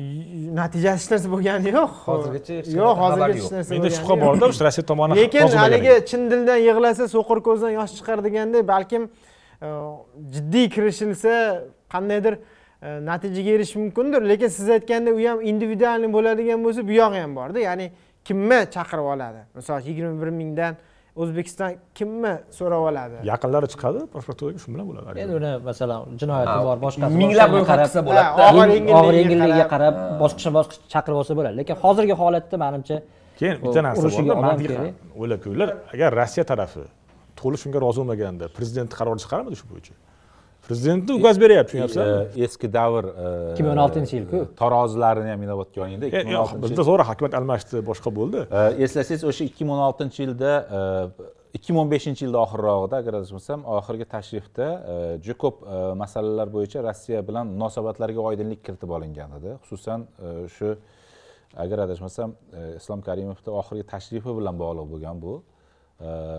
Rossiya sssr davrida sssrni e, davrdan keyingi birinchi yillarda rubl zonada bo'lganimizdagi e, havodan olinib e, shakllantirilgan qarzlardan ham voz kechgan edi. Ular o'zidan o'zi sizlar shuncha qarz bo'lib qolgansizlar deyilgan ya'ni o'zaro munosabatlarda rubl zonasi paytida va unga tinimsiz penya foizlar hisoblab boravergan xuddi shundan ham voz kechilgan edida u paytdagi kontekst boshqacharoq edi deb aytmoqchimanda. Kontekst endi ayniqsa urush boshlangandan keyin tarozini pallalaridagi og'irlik ham o'zgardida. To'g'ri hozir eslayapman endi bunga ham ikki yil bo'ldi ekanda. O'shanda aytishuvdiki ayniqsa urushdan keyin bu masala taqa taq to'xtadi degdi ya'ni u ko'rib ham chiqmayapti. Potensial resurs deb hisoblaydi yigirma ikki ming odam bu yigirma beshta brigada deganda tushunyapsizmi? Yigirma beshta brigada bu yigirma ikki ming odam tayyor hozir tushunarli lekin shungacha nimaga qilinmagani endi u shuning uchun qilmay qilinmagan degan savol va man nazarimda bu e, keyingi e, yillarda urush boshlangandan keyingi yillarda e, ijtimoiy tarmoqlar orqali asosan ko'p xabarlar shu soxta ayblovlar bilan qamashga urg'u berish bir kompaniyabozlikka ham aylanib qolganga o'xshaydi ya'ni ularni sonini ko'paytirish e, shu jinoiy ish qo'zg'atishga qanaqadir e, urg'u berish aksent qilish degan masala ham ko'payib qolganda e, bu yigirma ikki ming qotib qolgani yo'q demoqchimanda. U oshib borsa oshib boryapti boyagi siz aytgan sankt peterburgda uch ming kishini ushlashga o'xshagan narsada ya'ni to'ldirish kerak resurs kerak balki bog'liqdir bir biriga ular migrantlar huquqini yaxshi bilsa ham hech qanaqa u yerda najot yo'qmi? Masalan qamayman desa qamaydimi unaqa narsa yo'qmi? Yo'q unaqa narsa yo'q. Mana rus tilini bilgan o'zini ancha muncha bilgan odamda deyarli muammo yo'q. Shaxsan masalan menda deyarli muammo bo'lgan emas o'n olti yil yashabda ya'ni men bilgan o'sha sal e, bilgan odamlarda muammo bo'lgan emas. Ko'pchilik o'zimizda bilma oddiy judayam e, rus tili bilan e, bilish darajamiz judayam pastda juda og'ir ahvoldamiz o'sha mana kunuzda muxbirlari borib atayin ikki oy yashashib o'sha yerdagi holatni o'rganishgan bizga yordam berganda o'sha migratsiya markaziga borib patent oldi tolib akam rahmat borib o'tib registratsiya qildi patent oldi boshqa qildi. Shu yerda deyaptiki hamma narsa yozib qo'yilgan. Ranglar zonalarga o'zgartirib qo'yilgan p zona boshqa zona haligi ranglarni alohida qilib qo'ygan. Odamlar turibdi yordam berib. Tushunmayapti deydi keyin o'zbek tushunmayapti deydi. Albatta tushunmagandan keyin haligi sekin asta bunaqalar ko'pchilik ko'rgandan keyin ularda ham tasavvur paydo bo'ladi qo'pollash boshlanadi boshqa bo'ladi. Juda bir muomala yaxshi bo'lmaydi ya'ni u u ma'lum bir ma'noda nimanidir tushunmayotgan odamga nisbatan istalgan ishni qilsa bo'ladi degan fikr paydo bo'ladi. Ya'ni huquqini bilmaydigan e bu deydi. Yana boshqa faktor ham bor. Men ana kuni ham aytdim shu narsani. Misol uchun xuddi shu narsani tilni bilmasa amerika fuqarosi kelsa unaqa muomala qilinmaydida baribir. Yoki isroilni fuqarosi kelib rus tilini bilmasa unaqa muomala qilinmaydi. nima bor edi? Shu qanaqadir norozilik namoyishi bo'ldi. Navalniygami dmitriy medvedevga qarshi qanaqadir ha men amerika fuqarosi hammasi avtobusga siqishyaptida man amerika inglizcha gapirsa ты американец amerikanец не надо olib tashlayaptida qolganlarni tiqyapti hammasini o'zinikini ham tiqyapti migrantni ham tiqyapti o'rtoqlar choy qaynamabdi.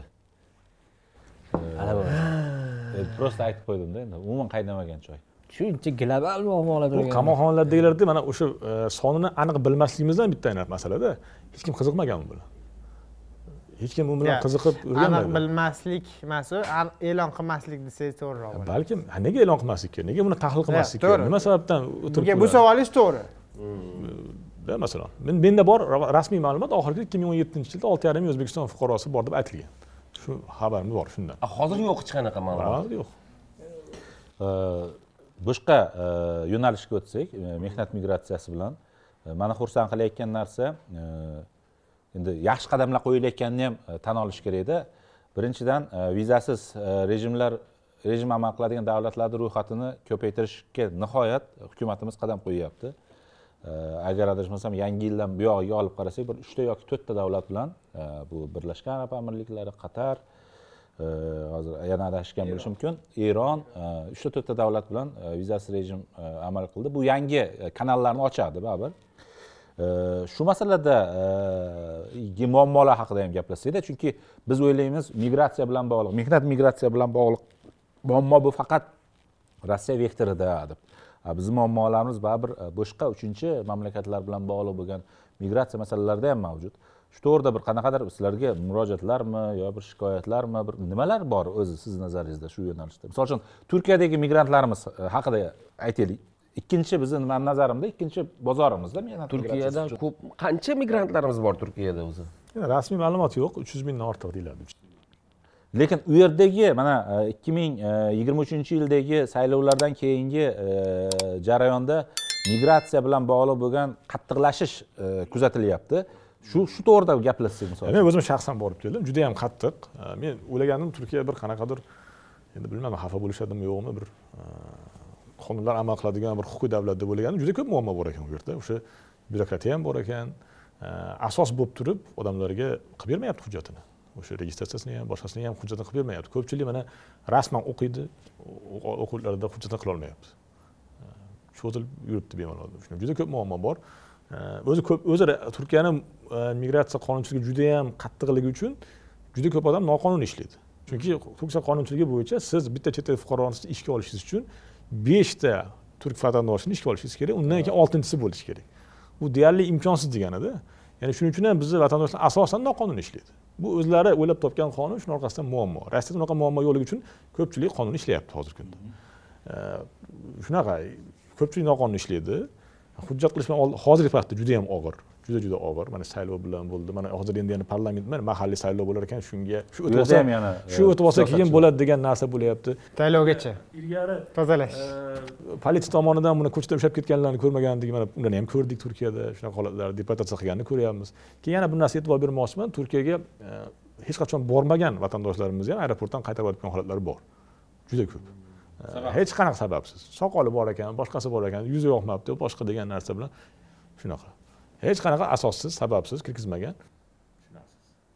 Ularni qanaqadir ro'yxati ham bormi bilmayman rostdan ham misol uchun davronbek tojialiyev tushunarsiz davronbek nima yomonlik lekin u ancha oldin bo'lgan voqea. Uch yilmi bo'ldi yo endi farqi nima? Baribir turkiyada bo'lgan payt voqea. Mana hozirgidek muammo yo'q edi. Hozir mana turkiyani mana shu oxirgi siz aytganingiz saylovdan keyingi migrantlarga nisbatan siyosati haqiqatda juda tushunarsizda. Misol mana rossiya mayli tushunamiz endi rossiya yo'q turkiyani migrantlarga nisbatan siyosatda bitta narsa yo'qda. Rossiyada mavjud bo'lgan ksenofobiya yo'qda nafrat yo'q demoqchimanda. E, muammolar yetarlicha bu yerda Lekin nafrat bor suriyalilarga nisbatan. Ha ha lekin Suriyaga o'zbeklarga nisbatan yo'q a o'zbekga nisbatan yo'q o'zbek ayollarga nisbatan ayollar tomonidan nafrat borligini sezdik. e, aytishadiku misol uchun ma'lum bir ma'noda kamsitish bor o'zbeklarga nisbatan. U muhojirlarga hamma joyda bor. U juda qiyin muhojir bo'lish. Hammaga toshkentda borku viloyatlarga nisbatan. Oson tuyuladi, oson turkiyada nisbatan yaxshiroq yaxshiroq anavi qardosh qardosh deb yaxshi ko'rib qoladiganlari ham bor. Turkiyada bitta narsa borda mana turkiya ham bizga ittifoqchi davlat shu- turkiy davlatmiz lekin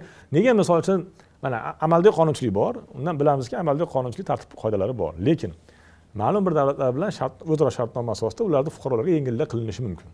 Rossiyada shunaqa narsalar bor?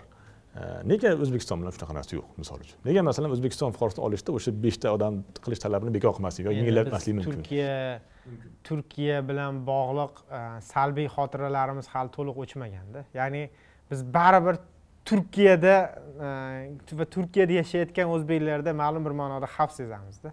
Qozog'iston bilan nega unaqa emas unda masalan qozog'istonda juda yam ko'p vatandoshlar turkiyadan ham ko'p qozog'istonda.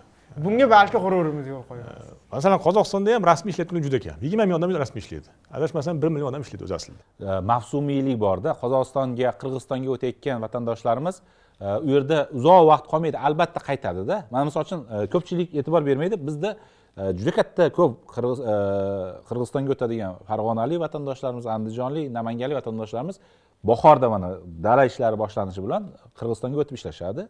E, ro'yxati yo'q haqiqatdan ham o'sha oldin to'qson kunda bir kirib chiqib qilardi endi bu yil qanaqa bo'ladi bilmayman. Qozog'iston bilan ham xuddi Ya shunaqa nima muammomiz bor qozog'istonda migratsiyada? Ularda o'zbeklar ham ularda ham shunaqangi mana adashmasam ming aqsh dollari miqdorida oldindan shunaqa hujjat to'lab ruxsatnoma olib ya'ni e, chet el fuqarosini rasmiy ishga olish murakkab jarayon. Ish beruvchiga ham ishchiga ham. Yo tushundim. Shu lekin narsani agar yengillatsa bo'ladida gap shu bu mana shu e, qozog'istondagi qonunlar tufayli o'zbeklar u yerlarga borib ishlolmayotganligi norasmiy turgan majbur bo'lyapti farqi nima hukumat uchun muammo emas. Siz tushunyapsizmi ya'ni hukumat muammo sezayotgani yo'q. Shuning uchun ham buni bu fikrga qo'shilmayman men. Chunki o'sha norasmiy ishlayap turganligi ertaga pirovardda o'sha muammoga olib keladi.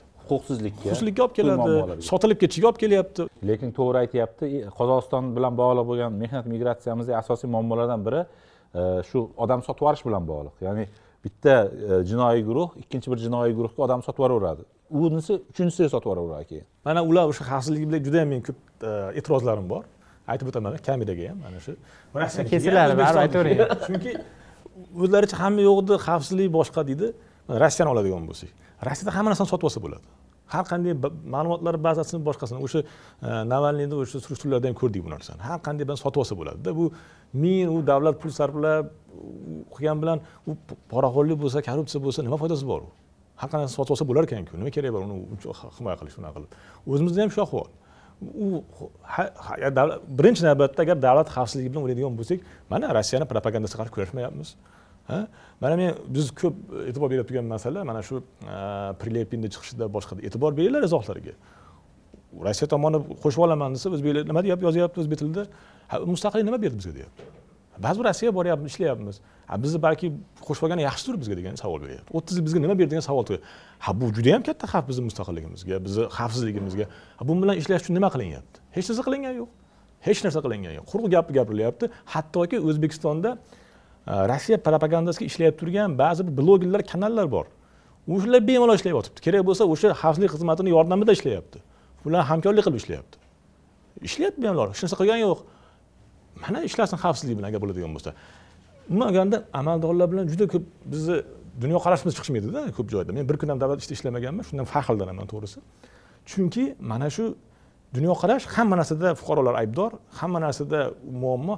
Agar seni xohishing bo'lsa shu amaliyot amalingdan mansabingdan foydalanib biron bir o'zbekiston fuqarosiga yengillik qilishing mumkin yordam berishing mumkin. Ertaga seni ham bu o'tirga boylab qo'ymaganku yordam ber. Shu bitta hukumat shartnomasini qilib bergin masalan qamoqxona bo'yicha. Qilib ber shuni baraka topgin shu mingta odam o'n mingta odamni ish yurishsin. Ha shuni o'ylash kerak. Ha deb aybdor. Qachon gapirsa fuqarolarimiz o'zi aybdor. To'g'ri hammada ayb bor sizlarda ham bor biz fuqarolarda ham bor hammada bor lekin muammoni hal qilish kerakku. Faqat ayb haligi diasporachi mashinnik fuqarolarimiz mashinnik boshqa kechirasizlar nima blogerlar sotib olingan e, haligi mashinnik birovlarni puliga ishlaydigan anaqalar. Bu fikrlardan bilmayman. U xuddi o'zlari olib endi bunday voz kechish kerak. Asosiy narsa o'zbekiston davlatini asosiy ishi o'zbekiston manfaatlarini himoya qilish fuqarolarimizga yengillik yaratish bo'lishi kerak? Boshqa narsa hammasi ikkilamchi ular.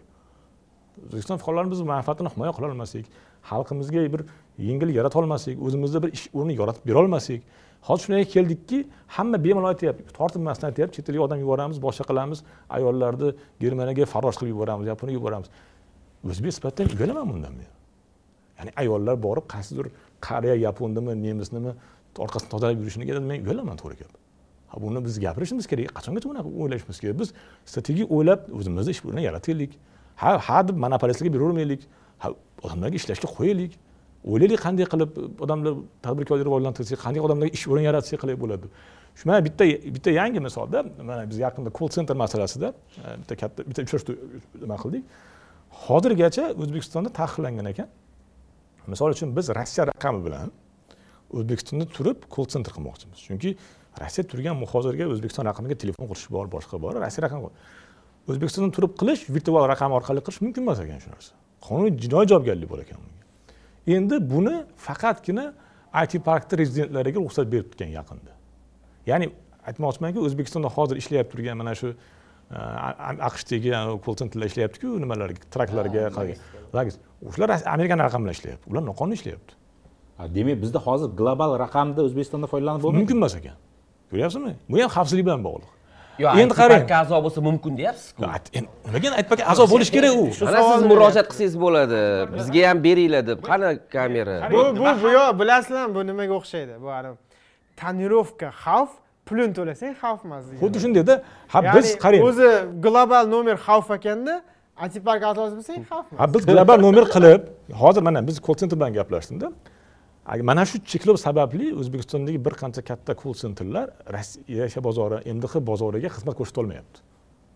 Rasman ya'ni biz bemalol rossiya kompaniyalarini call centerdan olishimiz mumkin xizmatga. Bu taqiq qayerda bor ekan a o'sha a, tushunish bo'yicha Xavfsizlikdan. aloqa bo'yicha nimada bo'lsa qonunda bo'lsa qolib ketgan bu. Eski zamonda qolib ketgan taqiqlardan bittasi lekin eng asosiysi migratsiya agentligiga kol sentriga shuni ruxsat beriladi ekan shunga ham ruxsat berishmayapti nimasi nima paytda? Boya aytgan gapim mana demak chegara shu yerda ekanda men aytyapman menimcha aynan migrant man bo'lgan ya, rossiyadan to'g'ridan to'g'ri e, telefon qila olish imkoniyatiga ega siz bo'lsin hech qachon xato gapirmaysiz. Yo'q, yo'qligiga sabablardan bittasi shu ekanki ha shuni ko'tarsa bo'ladiku ya'ni biz iloji boricha onlayn turib xizmat ko'rsatib pul topish mumkinmi? Mumkin. O'sha kol sentr operatorlari ming dollar bir yarim ming dollar topyapti to'g'rimi bemalol o'tirib uyda. Ha shunaqa yo'lga qo'yish kerak. Nima kerak bunaqangi bir ahmoqona cheklovlar? Hozir sizni gaplaringizni eshitib o'tgan safargi muhokamalarimizdagi muhrimni munosabati to'g'risi muhrim manga bir e, qizib ketgan joyimda sovuq suv quygandek bo'ldi o'sha paytda. Biz o'tgan safar maktab muammolari haqida gaplashdikda va go'yoki o'zimiz ham bilmagan holatda qabul qilib qo'ydikki davlat maktab bilan bu muammoni yecholmaydi buni endi Xususiylashtirish kerak. sektor qilish kerak degan gap gapirayotganimizda muhrim "A, davlat unda nima qiladi? deb turib bizni sal o'zimizga keltirdida. Hozir siz aytgan gaplaringizda misol uchun e, aytayotgan gaplaringizda man shunaqa narsani o'qidimki bo'pti ho'p e, davlat e, hammamiz agar mehnat migratsiyasi bu ishsizlikni yechimini asosiy omili ishsizlikni yechishni asosiy omili deb qabul qilaveradigan bo'lsak unda davlat siyosati mehnat bozori bilan bog'liq umuman bo'lmaslik kerak degan fikrga ham kelib qolasizda. Ya'ni biz yana soqit qilib qo'yyapmiz. Maktabdan soqit qilib qo'ydikku davlatni ya'ni e, mehnat bozoridagi e, vaziyatga nisbatan ham davlatni yana soqit qilib qo'yyapmizda. Ya'ni e, bu o'zi tabiiy holdek. E, bizni e, mehnat migrantlarimiz ayollar yoshlarni e, uchinchi bir mamlakatlarga borib daromad topishi qanaqa qora ish bo'lishidan qat'iy nazar buni norma sifatida qabul qilishga уже o'rgandikda. Endi shu chorasizlikdanda bu manimcha. Ya'ni biz boshqa variant ko'rmayapmiz. O'shaning uchun normal qabul qilib mayli hech bo'lmasa shunaqa bo'lsin deyapmiz. Lekin mana hozir man xushnud aytgan gap ya'ni turkiya bilan munosabatlar yaxshilanishidan yoki bugun turkiya bilan shunaqa bo'ladi ertaga qozog'iston bilan bo'ladi ertaga qirg'iziston bilan bo'ladida. Ya'ni biz qaysidir ma'noda davlat mayli o'zi qilmasin chet elga chiqib ketishga qo'yib bersin bemalol ishlab ketishga qo'yib bersin desak ham yani davlat unga ham qanaqadir ma'noda qarshi chiqayotganligi g'alati yo'q qarshi chiqmayapti e, endi man ko'payishidan manfaatdor emas degandek ani nima deydi signal kelyaptiyu. Bu ham g'alatida na unisiga ko'nadi na bunisiga ko'nadi na unisini qiladi na bunisini qiladi. Yo u yoqli yo bu yoqli yo agar masalan Hmm. rossiya aytmoqchiydim rossiya raqamida sizlar faoliyat yurita olsanglar o'sha yerdagi istalgan migrant sizlarga to'g'ridan to'g'ri telefon qilib o'zini muammosini hal qilishi mumkinda? Rossiya nomeridan. olishi mumkinda nomerida Rossiya nomeridan. yo agarda u rostdan ham ruxsat berilgan bo'lsa o'zbekistonda it parkka kirayotgan har bitta man o'ylantirib qoldi chiqib ketolmayman shu savoldan hozirda bir besh minutdan buyon qisib qoldimi yer kallamda ish turibdida agar it parkka siz misol uchun qanaqadir usluga dizayn xizmat ko'rsatadigan kompaniya bo'lsangiz va u yerga kirsangiz it parkda bemalol rossiyadan istalgan klient sizga telefon qilishi mumkin lekin migrant ana tashkilot bo'lsangiz ya siz mantiq qidiryapsizda. Ha? Mantiq qidirmangda bu xuddi avtomonopoliyamizga o'xshagan boshqa monopoliyalarga o'xshagan narsa. Yo shu boyagi misolim aytdim mana qarang ha. tonirovka e bu nazorat jihatdan noto'g'rida bu manfaatliroq narsa agar bular shu raqamlardagi so'zlashuvlarda eshitolmayman deb o'ylasa bu noto'g'ri eshitish mumkin bemalol hammasini bunday bo'lganda bu texnik muammo yo'q. Ya'ni lekin yengil aytgan bo'lishingiz ham mumkin hozir. Eshitish mumkin ekanu. Endi bu manimcha shu eski taqiqlar masalan ko'p ko'rib chiqilmagan taqiqlar bor spiska bor. qiziqib ko'rsangiz iloji bo'lsa kerak tushuntirish kerak uni tushuntirish kerak. Toki ehtiyoj bo'lmagungacha yotaveradiyu Ha, chang ha, bosib ha. eski Kimdir ro'para bo'lmaguncha. kimdir ha birinchi marta duch kelib qolgandan keyin bo'ladi va lekin birinchi duch kelgandan boshlab toki uni bu noto'g'riligiga ishontirgungacha va bekor bo'lgungacha ancha vaqt ketib qoladi. Bu narsa pandemiya payti ko'tarilib o'sha adashmasam bosh vazirga chiqilgan ekan shu narsani. bu bu migratsiya agentligiga kol sentr qilish kerak. Ha kol sentr bor. Rossiya raqamini ulaylik boshqa degan narsa hal bo'lmabdida. Tushunyapsizmi? Muammo shunda ya'ni lekin it park deyapsiz bosh vazir deyapsiz muammo qanaqadir. Menimcha aynan migratsiya bilan bog'liq bo'lgani uchun yo migratsiya bilan bog'liq emas bitta bilan ya'ni qara qarangda bir it parkga ruxsat berilganmi demak bu qanaqadir nimadir pul ishlasa bo'lsa kerakda shunda. Masalan logistika kompaniyalari it parkga kirgizib alohida pul ishlash mumkindir qanaqadir imtiyoz mana ularga imtiyozda logistika qo'shiladi keyin it park chiqadida aytadi biza bu yil nechidir yuz million Eksport qildik xizmatlarni deydi. Hamma buni ish qila olsa it parkga kirmasdan ham balki bu uncha to'g'ri to'qson emas to'qqiz foiz odamga taqiqlasangiz qolgan bir foizga e, imtiyozda u o'zi bu muammolarni men aytmoqchimanki hammasiga sabab mana shu yomonlab berdik qandaydir mana jamoatchilik kengashlari yo'qligida men ko'p hamma joyda aytaman qaytaraveraman mayli farqi yo'q jamoatchilik kengashi bu. Har qanday davlat tashkilotida jamoat kengashi bo'lishi kerak. qirqta davlat tashkilotida jamoatchilik kengashini a'zosiman yaqinda yaptasiga kirding shekilli ularni ishlash xa- xabardorsizda hamma narsa nomiga faqat ko'pchilik uchun. ikkita tashkilotniki realni ishlaydi. Haligi biz iqtisodiyot va moliya vazirligi e, realni ishlaydi и ikkinchisini eslolmayapman oldin ikkita tashkilot bo'lganda ular. birlashtirildi ikkalasi Ah, to'g'ri aytmang aytmang bu yaxshi xod kimni ko'rishib qolsangiz sizlarni nazarda tutgandir ikkinchisida Judayam deysiz. Rahbarlarni ko'rib qirqtadan bittasini aytasiz Mana shu- nazarda deysiz migratsiya muammolari juda yam ko'p keng ko'lamlida muammo. Yechimi ham juda yam e, kompleksniy shularni e, muhokama qiladigan platforma yo'q. Masalan e, bizni bir davlat tashkilotlari bilan jamoatchilik yig'ib nima muammo qanday muhokama qilamiz nima taklif yo'q shu narsa jamoatchilik kengashi deganingizda o'sha kuni telefon bo'lyaptida men o'zim xizmat safarida edim Eh, falonchi vazirlikdanman siz jamoatchilik kengashida a'zo ediz-ku ha ha desam anaqa ertaga bitta joyda majlis bor ekanda shu mana bu kengash raisi qatnasholmas ekan. Shunga siz borolmaysizmi mabodo shu bitta bitta so'rab chiqayotgandim dedi men aytdim yo'q men xizmat safaridaman desa ha mayli boshqaga qilarman. Qanaqa ishlashini misolini aytyapman. Platforma kerak haqiqatda ya'ni. Kerak kerak. Ular o'zlari kabinetda o'tirib o'sha joydagi muammodan bexabar. Lekin milliardda milliardda farmon chiqaryapti qaror chiqaryapti ishlamaydi bu narsa. O'zi e, mana man shunaqa tasavvur qilamanda bizni parlamentimizda o'qituvchilarda ham ovozi bo'lishi kerak e, doktorlarda ham ovozi bo'lishi kerak yoshlarda ham ovozi bo'lishi kerak. Migrantlarni ham ovoz Mi- bo'lishi migrantlarda ham ovozi bo'lishi kerakda. Parlamentimiz saylanmagani uchun u yerda o'qituvchilarda ham ovozi yo'q yoshlarda ham ovozi yo'q va o'z o'zidan migrantlarda ham ovozi yo'q. Parlamentda ovozi bo'lmagandan keyin bizni turli e, qatlam aholi qatlamlarini hukumat ham ko'p narsadan bexabarda reallikdan voqeliklardan ko'p narsadan bexabar. Siz aytayotgan narsalar yana muhrim Bazaga, bazaga yana bazaga borib taqaladi erkin saylovlarga borib taqaladi agarda mana siz aytyapsizu mana turkiyani bekorga misol keltirmadi. Nima sababdan turkiyada ham rossiyada ham har safar saylovga yaqinlashgan sari migrantlar masalasi kun tartibiga chiqadi. Chunki migrantlar masalasi doimiy ravishda jamiyatni jamoatchilikni doimiy ravishda tashkil solib keladida. E, u yerdagi rahbariyat ham o'sha achchiq oladi hokimiyatga keladi. Hokimiyatni o'zi shunaqada ya'ni ani qanaqa millatchi deydimi nima deydi? O'sha kayfiyatdan foydalanadigan Foydalanadi. populist hokimiyatlarda u yerda ham bu yerda ham. Masalan al- almashib tursa ekan erk- endi turkiyada bor lekin almashmayaptida almashsa balki o'sha e, deylik yevropada mana erkin jamiyatlarda juda unchalik ak- aktual emasku bu muammo. Lekin endi hozir o'nglar chiqib ketyapti boshqa bo'lyaptiyu lekin hozir endi aktuallashib ketdi oxirgi mana mana bu o'n yillik asosiy jamoatchilikni fikri bilan qiziqilyaptida. Shu hisobga olinyapti siyosatchilar tomonidan bizda shu jamoatchilik fikri hisobga olinmayapti. O'zi bazaga qaytaylik deganda umumiy mana shu bugungi suhbatimiz asosiy mavzusida mana migrantlar haqida ko'p gapiramiz. Balkim bizni ham hozir e, migrantlar e, yurtdoshlarimiz ko'rib o'tirgandir. Ularni ham balkim ayrim gaplarimizga ensasi ham qotar. Endi biz bu yoqda mehnat qilayotgan sizlar o'tirib olib gapirishni bilasizlar deb ko'p ko'p yozishadi baribir. Musofirchilikni mashaqqatini e, biz bilamiz deyishadida. O'zi mana e, nima qilishsa to'g'ri bo'lar edi ya'ni e, birinchi o'rinda ishsizlikni kamaytirish uchun va ikkinchi o'rinda o'sha migrantlarga nima qilish kerak yaxshiroq bo'lishi uchun. Ular o'sha ishlayotgan joyida yaxshiroq ishlash uchunmi?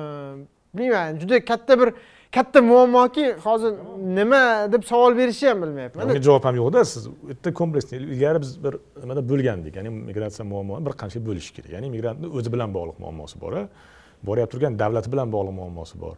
Yoki o'zbekistonda o'zini hukumatini bir qanaqadir harakatlar bilan bog'liq muammosi bor. Shunga bo'lib turib keyin bitta bitta alohida aytish kerakda migrant o'zi bilan bog'liq muammo tayyorgarlik ko'rmasligi tayyorgarlik ko'rsa borishi tilni bilmasligi kasbni bilmasligi unga ta'limimizdagi muammolar ham mana shu xabar bo'lyapti turganligi o'sha ta'limda agar yaxshi bo'lganda balkim shu yerda ish topardi e, bormasdi yoki borsa qiynalmasdi degan narsalar. E, borgan davlatdagi muammosi u yerdagi o'sha qonunchilik bilan tartiblar bilan bog'liq muammolar bor. Ular bilan qanaqadir borib biz kelishib bir yengil yaratishimiz kerak misol uchun turkiyaga o'xshagan. Э, yoki o'zbekiston hukumati nimadir qilmayapti o'zi yoki huquqni himoya qilmayapti yordam bermayapti qanaqadir yo'llar ochmayapti. Shunga o'xshagan ya'ni bo'lib bo'lib bu yerda kompleksli ishlash kerak. A buning uchun platforma kerak ishlash kerak o'rganish kerak juda ko'p bu yerda. Sizga yana bitta doim e, berish kerak deb hisoblayman e, bu savolni. E, ikki ming o'n yettinchi yildan beri agar adashmasam mehnat migratsiyasi agentligida bir olti yoki yetti marta rahbariyat almashdi. Komanda ham almashdida. Lekin har safar komanda almashganda oldingi komanda e, e, shu turli korrupsion e, ayblovlar bilan almashadi. Doim. Jamoatchilik doimiy ravishda korrupsion ay- ayblovni qo'yadi. Chunki koreyaga ishga borishmi angliyaga britaniyaga ishga borishmi polshaga ishga borishmi? O'zi mana shu mehnat migratsiyasi bilan bog'liq bo'lgan davlatni agentligi nima sababdan doimiy ravishda shunaqa muhitda yashaydi? Siz bir qandaydir o'zingizga javoblaringiz bormi? O'zi u yerdagi judayam korrupsiyaga nimaga muhit shunaqada korrupsiya qilishga imkon bor bo'lgan narsa talab ko'p. Masalan uchun koreyani oladigan bo'lsak talab juda katta. Uch mingta o'ringa yuz ming odam borishga tayyor. Avtosanotimizga Ha, o'xshagan bu yerda korrupsiya bo'lmaslik iloji yo'qda endi. Tushunyapsizmi? Juda qiyinda masalan. Amerikaga meksika orqali qiyin yo'llar bilan borish uchun yigirma ming o'ttiz ming ellik ming berishga tayyor odamlar hayotini xavf ostiga qo'yib. borishga rasmiy ishga o'n ming bermaydimi? Beradida endi. Jon jonni xususiy bandlik agentlari mana borib borib kamayib ketdi men yo'q o'ylayman o'sha xato bo'lmadimi mana? Sun'iy ha- sun'iy Ya'ni biz noto'g'ri kamaytirish. bitta muttahamni deb turib- humanni ortidan o'sha bitta muttaham tashkilotni deb Shunaqa. aytaylik tasavvur qiling bitta quruvchi aytaylik. Aldadi deylik nimada e, bektemir tarafda aldadi e, bir o'zi bo'ldiyu hozir. aldadi. Bizda qurilish tashkilotlari bekor qilingan yo'qu. Developerlik bekor qilingan yo'qu. Faoliyat ko'rsatyapti to'g'rimi? Nimaga mani shu savolim shunga bog'liq? Nima sababdan biz xususiy sektor ishlashi mumkin bo'lgan joyda yana davlat juda noto'g'ri bo'lgan. Shu ish juda ham noto'g'ri. O'sha paytda ham noroziligim bor. hozir janubiy koreyaga faqatgina migratsiya agentligi orqali borish mumkin ishlashga. Rasman boshqa mena g'irt monopoliya. Ishlashga borish mumkin. Qarang menda boshqa qiziq yana bir qiziq savol borda. Masalan kechirasiz oxirgi- bitta davom qo'shimcha qilib qo'yay bitta narsa bitta bir g'alati holat bor. Mana bilasizlarmi sizlar migratsiya agentligi davlat byudjetidan pul olmasligini bilasizlarmi? O'zini o'zi boqadi. O'zi o'zi boqadi o'zini o'zi boqadi. Mana shu xizmat ko'rsatdi. O'sha deylik e, koreyaga yuborsa ularni tanlab olish boshqa o'qitishlariga pul oladi. E, bir necha bir bxm miqdorida boshqa qiladi shundan pul topadi. Ya'ni g'alatida davlat tashkiloti davlatni funksiyalarini bajaryapti. anekdotdan ekanda ye oylik ham berasizlarmi deydiyu. Yana u anaqaga ishlaydi haligi odamlarni puldan nima qiladi va u yerda ozgina e, nima deydi konflikt interesov borku shunaqa kelib chiqadida endi baribir. Shu- shunisi ham sal tushunarsizroq ya'ni daromadini ko'paytirish uchun degan konflikt interes shunaqa bo'lishi qolganlar raqib bo'lmasligi qolganlar raqib albatta hozir hozir bunga haligi xususiy bank agentliklari raqibku. Haqiqiy. Boyagi it park Raqobatchi. misolidagi misol yana bu yerda ham bor ekanda. Bu ani nimaga ham o'xshar ekanda e, umra umra hajlarni nimasiga o'xshagan? Masalan qaysidir vaqtgacha bitta ta- davlat tashkiloti bu sohani egasi edi lekin ochilishga qo'ymasdi qaysidir ma'noda ochilib ketgandan keyin lekin hozir qaytanga eng arzon eng sifatli xizmatni ham o'sha haligi tashkilot ko'rsatadi. Muammolar ham chiqyaptiyu. To'g'ri o'zini lekin olganda baribir ishonchli davlat bo'lib qolyapti. Yo'q davlat ham bo'laversin. Uni ha bo'laversin. Sifati boshqasi man migratsiya agentligi yo'q bo'lsin demayapman. Kerak bo'lsa uni e, davlat kompaniyasiga aylantirishsinda regulyator emas. Regulyator mehnat vazirligi bo'lishi kerak davlat kompaniyasi sifatida xizmatini ko'rsataversin. Ochiq bozor Recruiting- ha u yoqdan buyurtmalar qabul qilsin. Britaniyadagi ish beruvchilardan boyagi savolim e, qiziq tomonida masalan oxirgi yarim yilda e, juda e, davlat hukumat tomonidan nima deydi yaqqol propaganda ketyapti. Boshqa davlatlarga ishga jo'natish bo'yicha. Bu ochig'i biz oldin ham gaplashganmiz. Bizni xursand qiladi. Ya'ni mehnat bozorini diversifikatsiya qilish. Faqat bitta davlatga qaram bo'lib qolmasdan taqsimlash va masalan germaniya buyuk britaniya yaponiya mana kanada ham rasman qo'shildi kanada. Endi va shartlar shunaqa bo'lyaptiki b ikki darajada misol uchun germaniya misolida oladigan bo'lsak nemis tilini b ikki darajada bilsang bo'ldi deyapti. Bizga olti ming yetti ming o'n minggacha talab bor hamshiralikka ijtimoiy xizmat e, xodimiga. Misol uchun buyuk britaniyada qishloq xo'jaligida masalan e, yaqinda esa mashhur bo'ldi. Instagramda Karam terayotgan. karam terayotgan. Qozoq o'zbek aralash. Va umuman mana shunaqa men o'zim britaniyaga borganda bir mm, yurtdoshimiz bilan samolyotda qaytganda olti oy ishladim. Qishloq e, qurilish mavsumiy. Olti oy ishladim endi qaytyapman. Endi keyingi safar yana ariza topshiraman. O'tsam yana kelaman dedi. Ya'ni e, asosiy talab til bilish bo'lyaptida va aytmoqchimanki agarda siz hozir tilni bilsangiz qanaqadir korrupsiya va hokazosiz ham nazariy jihatdan men shunga qandaydir ishonaman chunki judayam targ'ibot kuchayib ketib qoldi. Odam yo'q o'qitaylik o'zimiz o'qitamiz o'qiganingga pul ham beraman hattoki deyapti davlat. Til bilsang bo'ldi ekan pulsiz hech qanaqangi tanish bilishsiz ketishing mumkin ekan ehtimol nazariyasi bo'yicha.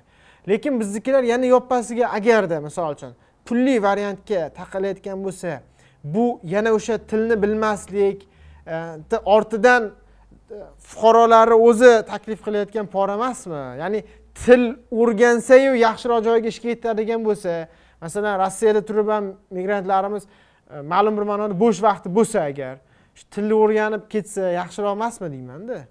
Ya'ni bu shunaqa ishlamaydigan instrumentmi demoqchiman. Til bilsang bo'ldi jo'natamiz degan yo'q hozir mana o'sha koreyaga borish boshqa imtihon jarayonlarida korrupsiya bor deb aytish qiyin. Masalan o'sha e, hamma narsa to'g'ri qilinyapti.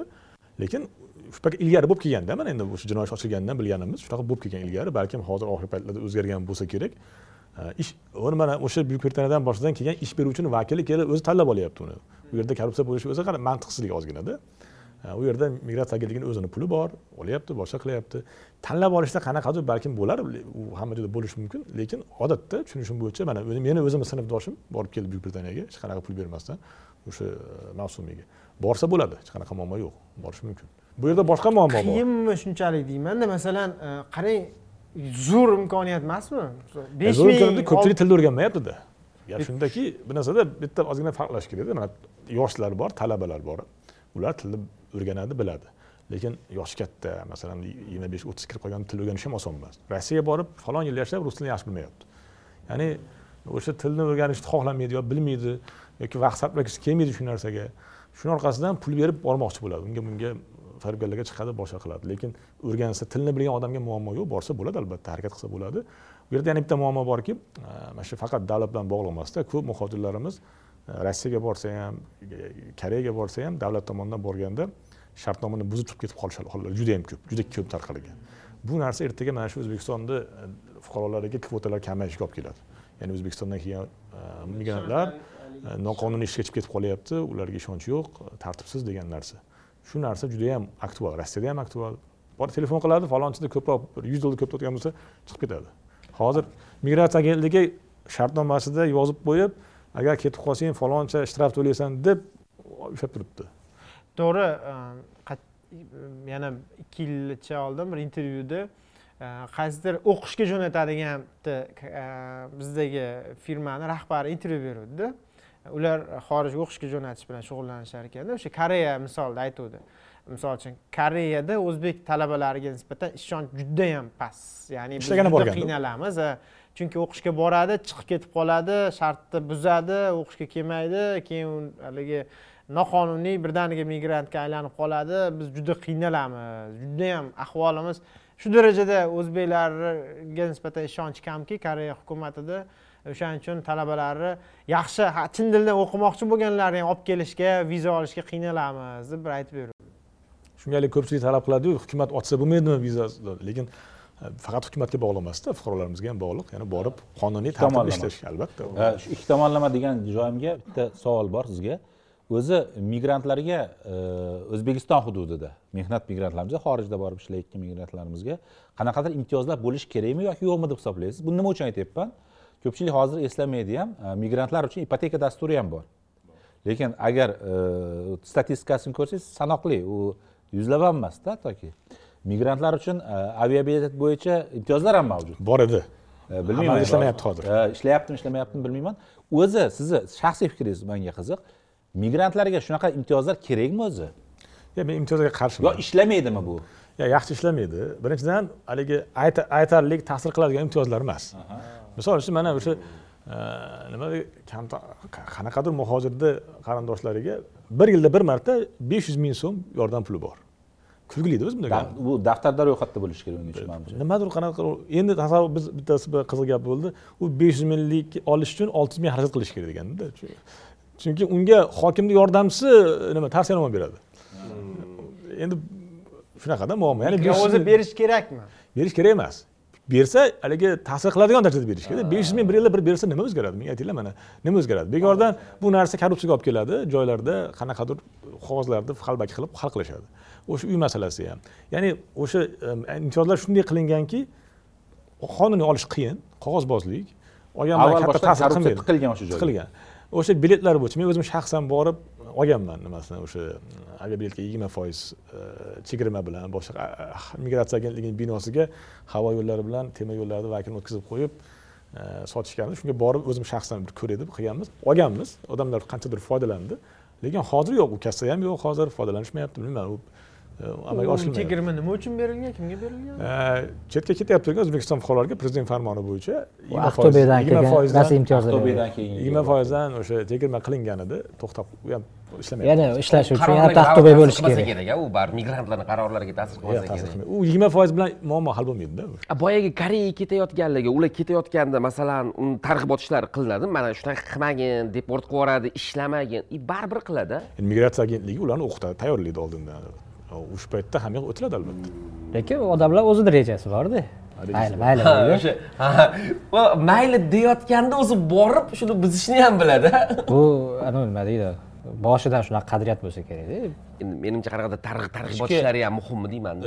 Yana bir mavzu bor. Butun mamlakat bu hamma mamlakatlarda bor narsa bu ichki migratsiya ichki mehnat migratsiyasi.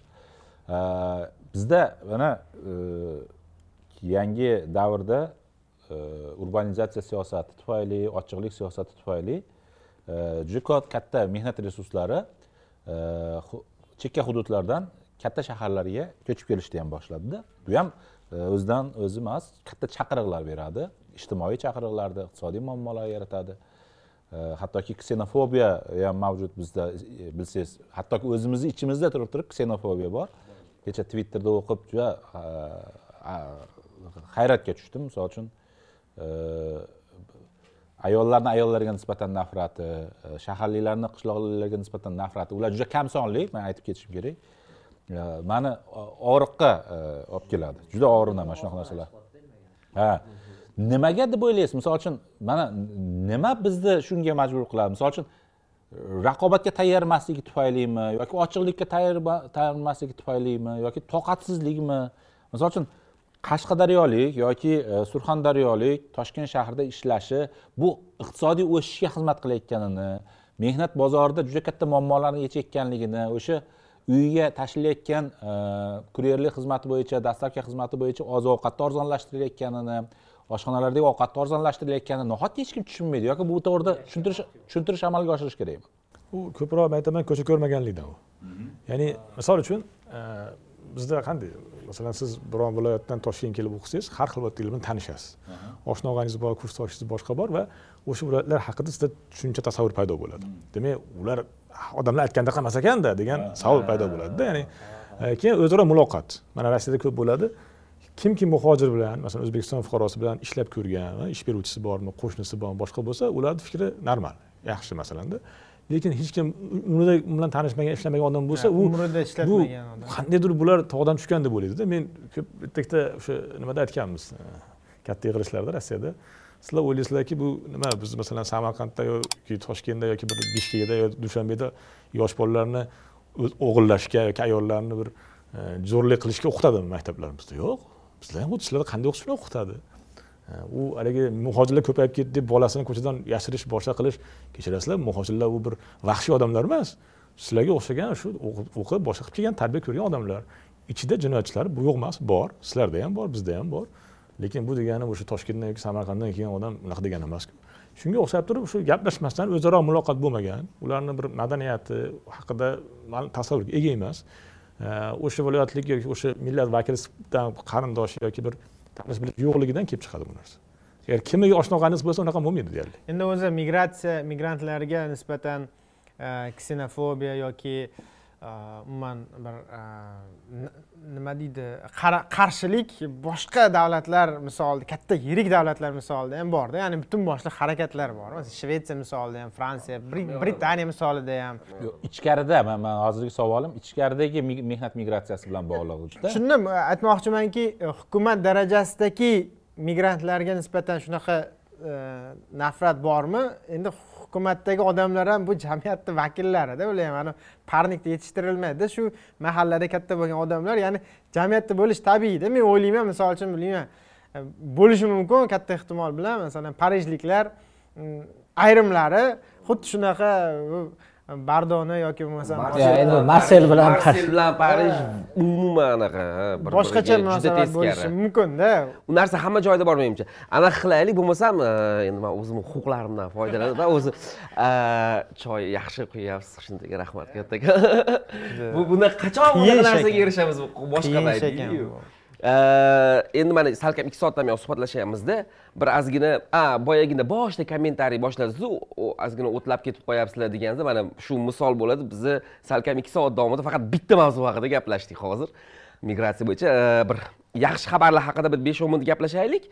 Keyin vaziyatga qarab e, botirjon aka balki murojaatlari bo'lar. Man juda yam xohlagan bo'lardim ushbu sonimizni e, youtubega qo'yilgandan keyin o'sha e, migrantlarimiz yoki boshqa o'sha anaqalarimiz ko'rishini biz o'zimiz ham shu narsani bir o'zi nima kutuvdingiz nima haqida gaplashmoqchi ha men o'zi oxirrog'ida so'ramoqchi edim. Agar qanaqadir bir murojaatlaringiz bo'lsa yoki umumiy qanaqadir qo'llanma fikrlaringiz masalan mana bu bo'lsa savolni men kutuvdim masalan tayyorlanib kelib man muhimroq avvalo men o'zi bu taklif qilganlarga men hayron bo'ldim. Chunki men nima qilyapman bu yerda degan savol bor eda masalan men bir endi bu yerda kelgan odam mehmonlar oldida hali bir e, bir nima eshitgan odam emasmiz. E, ko'proq endi bizni qayerga chaqirsa migratsiyani gaplashishadi. Migrantlar bilan rossiya bilan bog'liq ko'proq savollar bo'lsa kerak deb Ot- otabek akadan ko'proq kutgandim. Mana shu rossiya e, o'sha propagandaga qarshi kurashish qamoqxonalardagi muhojirlarni holatlari shu odat- odatiy gap nimalarda endi savollar. Shunaqa. Lekin ko'proq men xohlardimki masalan biz bu rossiyaga ko'proq muhokama qilyapmizki lekin ko'proq mana shunaqangi strategik fikrlar aytsak e, shunaqalar qilsak mana ko'p e, oxirgi paytlarda hayolimizda ko'p aylanyapti mana rossiyani e, ranhix tomonidan e'lon qilingan demograflarni nimasi tadqiqoti e'lon qilindi. Ikki ming bir yuz yigirmanchi yilga kelib agar mana shu hozir har yil rossiya hukumati bir million atrofida chet el fuqarosini fuqarolikka qabul qilmasa hozirgi kundagi rossiya aholisi bir yuz qirq besh milliondan oltmish sakkiz yetmish millionga tushib qolishi mumkin degan shunaqangi prognozni berdi. Ha bu davrga borib o'zbekiston aholisi ham yetmish millionga yetib qolishi mumkin. Ya'ni biz o'ylashimiz kerak. Mayli rossiya bizga haligi doimiy bizda bor e, faktorda endi. Men aytaman nega biz rossiyani egallash bo'yicha strategiya qilmaymiz? U yerda bir e, mana turklar Ge- germaniyada qanday ish qilgan bo'lsa bizga o'xshagan shunaqa narsalar o'zimiz siyosatchilarimiz o'zimiz tadbirkorlarimiz ularni qo'llab quvvatlash haqida o'ylashimiz kerak. Hozirdan albatta hozirda. Hozirdan, o'ylash kerak hozir. Biz mayli tan olyapmizmi ish bilan o'rin bilan lekin u yoqdagilarga yordam beraylik tadbirkorlikka harakat qilsin bolalarimiz men men qilardimki masalan hukumat o'rnida bo'lgan rossiyaga borib aytardim o'zbekiston fuqarolariga imkon ber yakka tadbirkor sifatida ro'yxatdan o'tsin. Yoki o'sha o'zini band qilish e, nimasi bo'lsa ro'yxatdan o'tishga imkon ber. Ishlasin biznikilar. E, sotsin narsa ishlayapti bolalar. Ko'pchilik o'sha yakka tadbirkorlik hujjatini sotib olib kimnikidan foydalanib shug'ullanyapti tadbirkorlik bilan men ikki ming o'ninchi yilda adashmasam ikki ming o'n nimidan o'sha cherkiz bozori e, yopilgan paytda esimda qolgan narsa. E, cherkiz bozorida juda ko'p xitoylik e, savdogarlar savdo bilan shug'ullangan. Oddiy bozor bo'lgan tartibsiz bozor. Juda katta endi korrupsiya bo'lgan boshqa bo'lgan. Shu bozor ko'chirilganda juda ko'p savdogarlar joysiz qolgan qiynalgan boshqa bo'lgan. Shunda xitoy savdo vazirini o'rinbosari moskvaga kelib moskva shahri hukumati bilan muzokara olib borgan. Ya'ni ularga yengillik berish bo'yicha. Ya'ni cherkiz bozorida ishlab turgan xitoy fuqarolariga. Undan tashqari har bitta mana shu e, xitoylik savdogarga o'sha paytda besh yuz ming rubldan xitoy hukumati tomonidan pul ajratilgan. Ya'ni boshqa joyga borib o'rnashib olguncha. U o'n ming dollardan oshiq pul bo'lardi shu paytda. Yigirma ming dollarga yaqin pul bo'lardi ikki ming o'ninchi yil deganda Xitoy hamma sohada shunaqa qiladi. Qarangda mana o'zini nega biz shunga o'xshagan ishlar qilmaymiz? Da misol uchunda shu narsa qilsak bo'ladiku masalan. Bemalol o'zimizni vatandoshlarimiz yordam berdik shu yerda. Tadbirkorlikka o'qitaylik ishlasin boshqa qilsin endi qilaman desa ish ko'p lekin strategiya kerak. O'tirib fikrlar ta- tahlil qilib ho'p rossiyami ho'p rossiya bilan qanday qozog'iston bilan qanday turkiya bilan qanday ishlaymiz nima qilamiz? ellik yildan keyin biz nimani ko'ryapmiz degan savollar bo'lishi kerakda ya'ni rossiyani shuncha injiqligiga boshqasiga biz e, chidab boshqacha aytganda do'stona hamkorlikni davom ettirish faqatgina bizga tegma degan rakursda bo'lib qolmasligi kerakda bizga tegmasang bo'ldi yo undan ko'ra shartlar ham qo'yaylik. Rossiyada muhojirlarni lobbisi yo'qda ya'ni muhojirlarni himoya qiladigan hech kim siyosiy kuchi yo'q. Hech kimga qiziq emas bu narsa. Sekin asta shularni o'stirish kerak. Ya'ni muhojirlar ichidan shunaqa bir siyosatchilar amaldorlar boshqalar sekin chiqib chiqib kelyapti? Juda ko'p o'zbekistonliklar o'zbeklar ancha muncha ishlarda ishlayapti lavozimlarda boshqalarda. Lekin ularni bir birlashtirish kerak ishlash kerak ular bilan. O'sha yerdagi migrantlarni o'rnini ko'tarib ularni kuchga aylantirish kerak deysizda. Davlat kerak bo'lsa davlatni o'zi qo'llab quvvatlab manga nima yoqadida? Hindlarniki hindlarni o'sha bilmayman bu qanaqadir milliy strategiyami yo hindiston endi hindiston qilmagan bo'lsa kerak hindlarni o'zini tabiatida bor narsa bo'lsa kerak. Masalan e, o'sha e, britaniya imperiyasi tarkibida bo'lgan paytda endi britaniya hukumati hindlarni yaxshi e, boshqaruvchilar sifatida o'sha afrikaga yoki janubiy amerikadagi mustamlakalarga ko'p ko'chirgan. Masalan janubiy afrika respublikasini parlamentida o'sha bizaga kelgan minerva city bilan bog'liq nimalarda ham o'sha uni sheriklari janubiy afrikada deputat bo'lgan qanaqadir davlat kompaniyalarini rahbarlari bo'lgan vazir darajasiga chiqqanlari borda. Yoki masalan ugandada bor. Ularga zimbabveda saksonninchi yillargacha hindlarni ulushi juda yuqori bo'lgan. Keyin masalan mana hozir janubiy afrika amerikadagi venesuela bilan chegaradosh bitta davlat boru hozir.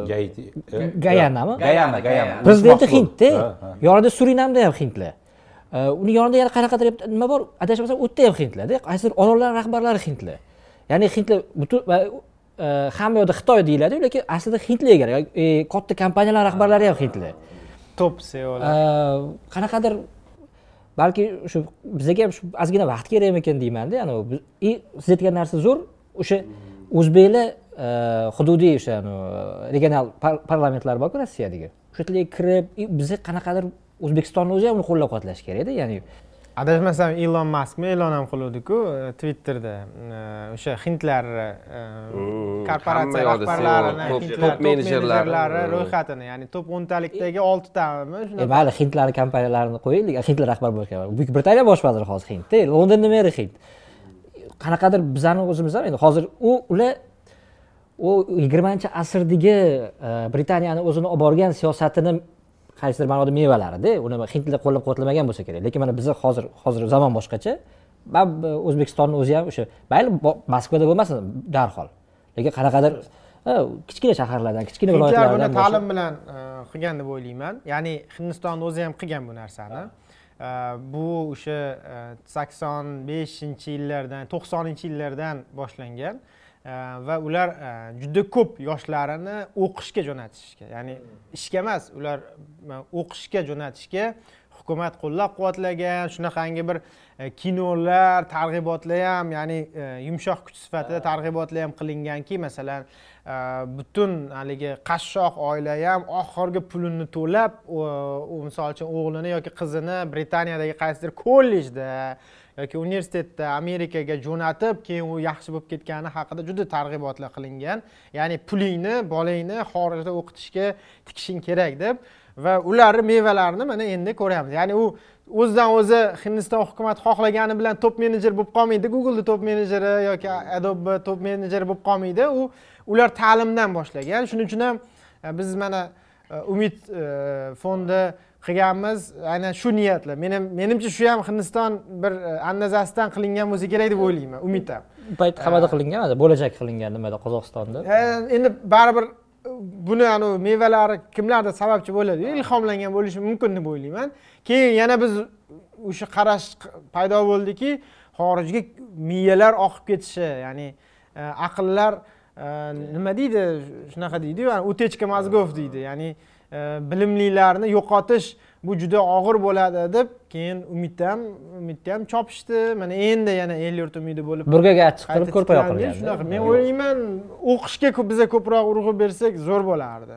O'qishga ko'proq o'zi jo'natishimiz kerak. oxirgi mana sezdinglarmi besh yilda oxirgi besh sakkiz yilda judayam anavi o'quv markazlari ko'payib yoshlar judayam ko'p ingliz tilini o'rgatyapti mana agentlikni o'zi qancha tekinga tillar o'rgatyapti menimcha o'zi xursandman o'zi zo'r, jarayon shu, a? ketyapti chunki mana oldin besh yil avval yoki yetti yil avval e, tomga e, tosh otsangiz tepaga qarab tosh otsangiz aptekani e, ustiga tushsa hozir ham aptekani ustiga tushadiyu lekin aptekani oldida til o'quv markazlari til borda. markazlari. Har qalay paynetlar kamayib turib o'rinlarda o'quv markazlari paydo bo'ldi aviakassani o'rniga. Aviakassani o'rniga to'g'ri keyinchalik shu yoshlar yevropalarga beradi. yaxshida endi to'g'rimi? Yana bir narsa bor hindlar masalasida har dunyoni beshta e, odamidan bittasi hind. Bu tarafi ham ya'ni kritik massa ham juda yam yuqori ikkinchidan avval boshdan hindiston mustaqilligidan avval e, britaniya kol- kolonialistlari hindlarni e, ijrochi rahbarlar sifatida o'sha o'n to'qqizinchi asrdan boshlab ishlatishni boshlagan E, u e, yuz yillik narsa kam shu shu lekin mana ikki ming yuzinchi yilga borib deyaptilar-ku ha ha e, biz ham mayli biza ko'rmasmiz.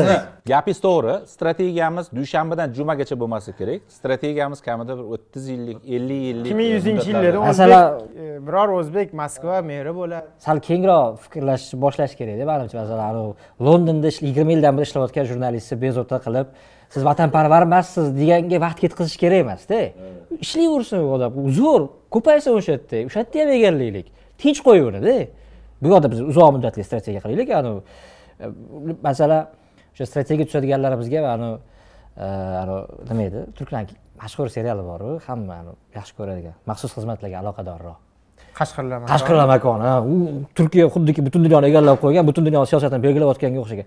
Shunaqaroq strategiyalar qilib shuni realizatsiya qilishga sal qashqarlar makoni haqida yaxshi e, bir aynan shu sohani odamidan e, yaxshi bir xulosa eshitgandim men o'zim ko'rmaganman to'g'risi lekin juda mashhur edi bizni davrimizda. E, aytishganki o'sha paytda e, ko'cha judayam kuchayib ketgan bo'lgan turkiyada ya'ni simpatiya bizda ham shunaqa ko'chaga simpatiya paydo bo'ldiyu judayam dahshatli darajada. Turkiyada shunaqa bo'lgan ekan ko'chaga simpatiya paydo bo'lgan ko'chani odami va hokazo и ular aynan shuni Э, ma'lum bir ma'noda э, nima deydi g'oyaviy jilovlash maqsadida mana shu qashqirlar makoni o'ylab topilgan ya'ni u yerda ham ko'cha ko'rsatilgan va e, ko'cha hamma narsa qilishi mumkin lekin vataniga qarshi bormaydi. Vatan bu boshqacha bu bayrog'ini ko'rganda haligi ya'ni hamma narsa qilishi mumkin. Ko'cha so'yishi mumkin qilishi mumkin lekin vataniga qarshi bormaydi degan g'oyani bu romantizatsiya e, italiyada ham mavjud. Ya'ni o'sha sprutni eslasanglar e, g'irt korrupsion narsa lekin korrupsiya bo'lsa ham vatanparvar go'yoki. Bu e, rossiyada brigadani to'qsoninchi yillardagi brigadani eslang e, misol uchun romantizatsiya bu. O'zimizni shaytanat ham saksoninchi yillarda oxiridagi e, ko'cha shaytanatda tasvirlangan va bu ham xuddi shunaqa o'zbeklikka xiyonat qilmaydi. Ya'ni go'yoki kriminal ko'cha o'zbeklikka xiyonat qilmaydi. Bu e, umum qabul qilingan e, romantizatsiya endi uni xulosasi sifatida aytdiki bu qanchalik rost yoki yolg'on? Erdoganga qarshi o'sha davlat to'ntarishi bo'lgandiku. Keyin tanklarga oldiga odamlar chiqdi xalq chiqdi o'shanda aksariyat ko'cha chiqqan. Ya'ni oddiy odam chiqmagan. Shunda ko'cha yo'q. Davlat bu davlat deb tankni tagiga tashlagan ham kerak bo'lsa o'sha ma'lum bir ma'noda ko'chada yurgan. Haligi sportsmen ma'lum bir ma'noda aloqador odamlar chiqqan va to'xtatib qolgan degandek xulosa ham bo'ladi qay darajada bu rost yolg'on men buni bilmayman. Ya'ni shu darajada miyasiga ha ko'chani simpatiyasini qilib lekin vataningga qarshi bu narsa bo'lsa kerak bo'lsa joningni ham berishing kerak degan narsa miyasiga singdirgandan keyin nechadir yil o'tgandan keyin bu narsa o'zini mevasini bergan degandek bir xulosani ham aytishdi anavi endi o'tlab ketamiz. Deyildiku. O't- o'tlaylik o'tlab qoldik sal kino tomonga o'tlab qoldik sanga ikkita fikr bor edi. Boya targ'ibot kerak bizga. Masalan koreyaga ketyapti qoidalarni buzyapti va boshqa e, e, ishlamoqchi bo'lgan o'qimoqchi bo'lgan o'zimiz vatandoshlarimiz zararga ishlayapti deganga o'xshagan gap aytildi va boshqa holatlarda ham shunaqa bo'lyapti. E, targ'ibot qanaqa nima deydi? Ja kuchli emasda bizada yoki ta'sirli emas esda qolarli emas. Ya'ni ani ongi ostigacha kirib ketadigan kuchli nima yo'q aynan shu yo'nalishda shu mavzuda. Deb bir e, kuni nimada kitob do'konida sharqjokorda o'rxan pamuk deb yozib qo'yibdida. O'zbekcha turibdi. E dedim o'rxan pamuk tarjima qilishibdimi deb oldim. Endi varolamasdan oldimda endi. Uyga borsa u o'rxan pamukni bitta kichkina hikoyasi bor ekan. Qolgan turk e, yozuvchilarini hikoyalari to'plami ekan. O'sha yerda bir to'rttami beshta o'sha e, mana oltmishinchi yetmishinchi yillarda turklar germaniyaga borib ishlaganku shu mavzudagi Э, turk gastarbayteri turk mehnat muhojirlarini hayoti haqidagi hikoyalar bor ekanda. Endi juda bir odam ta'sirlanadigan hikoyalarda. Misol e, bittasi bor masalan turkiyaga qaytib kelgan e, yana e, mavsumiy ishdan qaytib kelganmi yoki qanaqadir shartnoma asosida ishlagan joydan qaytib kelganmidi? U xayolida o'ylayapti yana bir yil ishlab kelsam bo'ldi. Mana hovli bitadi u bitadi. Man ishlarni bitirib olaman keyin yaxshi tinch yashaymiz deyapti. Lekin xotini umuman boshqa xayolda bu safar qo'yib yubormayman bu safar nima bo'lsa ham qoladi. O'zim o'zim o'ldiraman ketsa. Keyin yana bitta boshqa hikoya bor berlindagi turk oilasini hayoti yoki yana e, shu germaniya boshqa shahardagi turk oilasini hayoti qanaqadir. Bir e, hozir bizada bilmayman shunaqa asarlar bormi yo'qmi. Nasrda. Endi to'g'ri hozir oltmishinchi yetmishinchi yillar emas. Nasr e, oldingidek balki kuchli ta'sir qilmas. Lekin qanaqadir shu yo'nalishda ham asarlar ko'p emasga o'xshaydi. Lekin u davrda u davrda turklar tinmasdan yozgan ekanda ya'ni turk mehnat muhojiri yoki germaniyadagi turk muhojir qanaqa yashayapti shu to'g'risida juda ko'p narsa bo'lgan ekan. Balki bilmadim e, endi buni ani buyurtma berib qilib bo'lmaydi. Ya'ni odam baribir o'zi xohlashi kerak yozuvchilar o'zi xohlashi kerak bu narsani. Va keyin bitta qiziq narsa o'qib qoldim yaqinda. E, e, noqulay o'tmish degan bitta kitob bor ekan. Hozir avtori esimdan chiqib qoldi rus olim yozgan.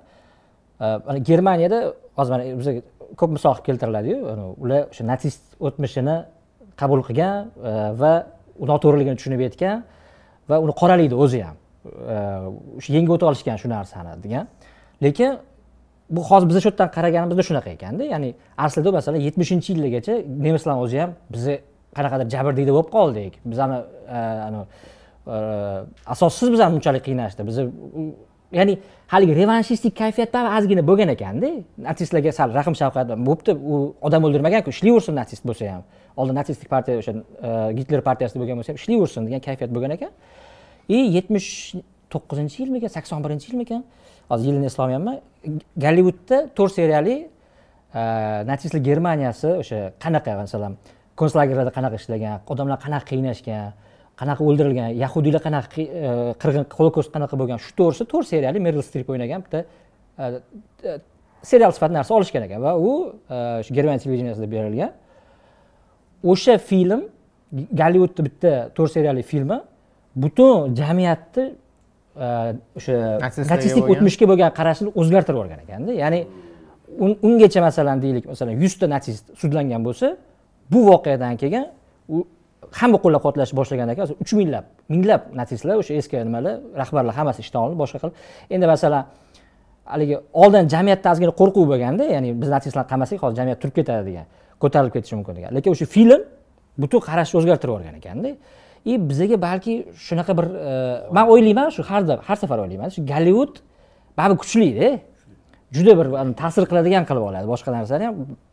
Kim biladi balki endi birdaniga koreyadagi muhojirlar haqida borib bunaqa to'polon qilmanglar yoki qoidalarni buzmanglar deb gollivudga buyurtma berish shart emasdir. Lekin qanaqadir mana bor endi hozir qanaqadir harakatlar bor. Bizani ham anavi e, operatorlarimiz rejissyorlarimiz juda chiroyli ishlar olishyapti shu qanaqadir ta'sir qiladigan narsa olish kerak shekilli ya'ni shunchaki davlat buyurtmasi asosida hissiz narsa emas. buning uchun o'zimizni pozitsiyamizni ham oldin aniq belgilab olishimiz kerak edi. migrantlarga nisbatan biz qanaqa endi pozitsiyadamiz adabiyot e, sizni pozitsiyangizni kutib o'tirmaydi. Adabiyot u hissiyotlar bilan yashaydi. Kino deganicha E, aytadi buyurtma deganicha aytadi yo'q umuman man siz o'sha aytgan e, misol keltirgan turk yozuvchilarini hikoyalari u Buyurtma emas, buyurtma emas, u o'quvchini nimasi xohishlari ehtiyojlari tushunyapsizmi? O'zi kuchli adabiyotni kuchli o'quvchilar yaratadida bizda e, endi mana kuchli o'quvchilar talabchan o'quvchilar paydo bo'lyapti. Mana siz xohlayapsiz e, migrantlar haqidagi e, nimani asarlarni o'qishni xohlayapsiz. Man xohlayapmanda shu yaratadi. Tushunyapsizmi?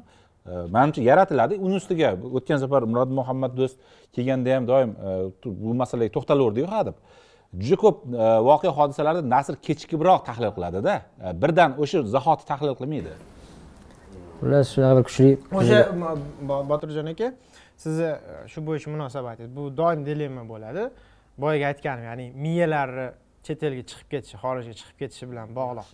Ya'ni e, ko'pchilik aytadi xorijga o'qishga jo'natmaylik e, qaytib kelmayapti baribir o'zi davlatimiz qoloq uni rivojlantirish uchun aqllar kerak hamma aql u yoqda bo'lsa deydi keyin yoki misol uchun xorijda yurgan o'sha yurtdoshlarimiz ishlayotgan yurtdoshlarimiz ham u bu joyda yozsa yoki bir fikrini aytsa Э, ba'zan izohlarda kommentariyalarda ko'rib qolamizda. Zo'r bo'lsang kel mamlakatga ishla. Amerikada turib olib gapirasan yoki yevropada turib olib gapirasan davlatga bir tiyinlik seni foydang tegmayapti. Bizku bu yoqda qiynalayotgan degandek bir qarashlarni ham ko'rib qolamizda. Sizni munosabatingiz qanaqa o'zi?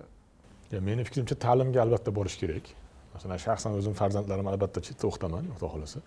Ya'ni ta'lim albatta borish kerak o'rganish kerak. Eng yaxshi to'p e, o'sha oliygohlarda o'qib kelish kerak. Endi o'zbekda bitta sana men ko'nglim to'qki bizgalar qaytib keladi baribir. Endi agar men o'n olti yil muhojir bo'lganmanda haligi meni bu bo'yicha tajribam ko'proq bir narsaga aytib keldimki e, asosan meni fikrim bu e, muhojirlikda odam baxtli bo'lolmaydi baribir. E, pul topadi qanaqadir komfort sharoitda yashashi mumkin ishlashi mumkin boshqa qilishi mumkin. Lekin tasavvur qiling ota onangiz yoningizda emas ba'zida kimdir bola chaqasi ham yonida emas. Oshna og'ayningiz shanba yakshanba kuni choyxonaga borolmaysiz boshqa qilolmaysiz o choyxona haqiqatdan ham o'zbek uchun muhim narsalarda keyin e'tibor berganmisizlar o'sha amerikada yurgan ko'p chetda yurgan nimalar ham facebookda nimaga o'sha yerdan turib o'zbek tilida yozyapti nimaga ular ingliz tilida yoki rossiyada rus tilida yozmayapti ya'ni ular shu amerikadagi rossiyadagi jamiyatga kirisha olgani yo'q. Integratsiya ha qiyin masala bu integratsiya bo'lish uchun maktabdan ketish kerakdir yoki haqiqatdan institut o'sha yerda qolib ketsa masalan balkim o'sha faqat inglizcha yozib boshqa qilib ketadi. Lekin keyinroq yoshda kattaroq yoshda ketganlar integratsiya bo'lolmaydi bu bitta masala. Keyingi masala xavf xatar yani bizni o'zbekchilikda musulmonchilikda bolalarni tarbiyasi bilan bog'liq masala shaxsan men farzandlar tarbiyasidan nima qilib turib keldim o'zbekistonga. Chunki xohlaymizmi xohlamaymizmi o'qitish yaxshi maktablarda oddiy maktablarda ham juda yam yaxshi sifatda moskvani oladigan bo'lsak. Lekin u yerdagi o'sha ta'lim tarbiya eh, tarbiya bilan bolalarni bir munosabati ko'chada bir so'kinishi boshqalari bo'ladigan emasda endi. U yerda o'g'il qizlarni o'qitadigan emas. Eh, ularni o'sha eh, kerak bo'lsa oddiy o'zimiz bilamizmi hatto rus maktabida o'zbekistonda o'qigan bolalarni ham ozgina sal yovvoyiroq rus rus sifatroq bo'lib qoladi. Shunga o'xshagan narsalarda ya'ni bu narsalar bor. Shular kim muhim hisoblasa qaytib keladi. Mana e, so'rovnoma ham o'tkazgandi adashmasam bekzod nimadan?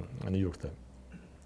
Ya'ni ko'chib ketgan muhojirlarni uchinchi avlodga kelgandan keyin ularni o'sha o'zini tilini dinini unutish ehtimoli juda katta.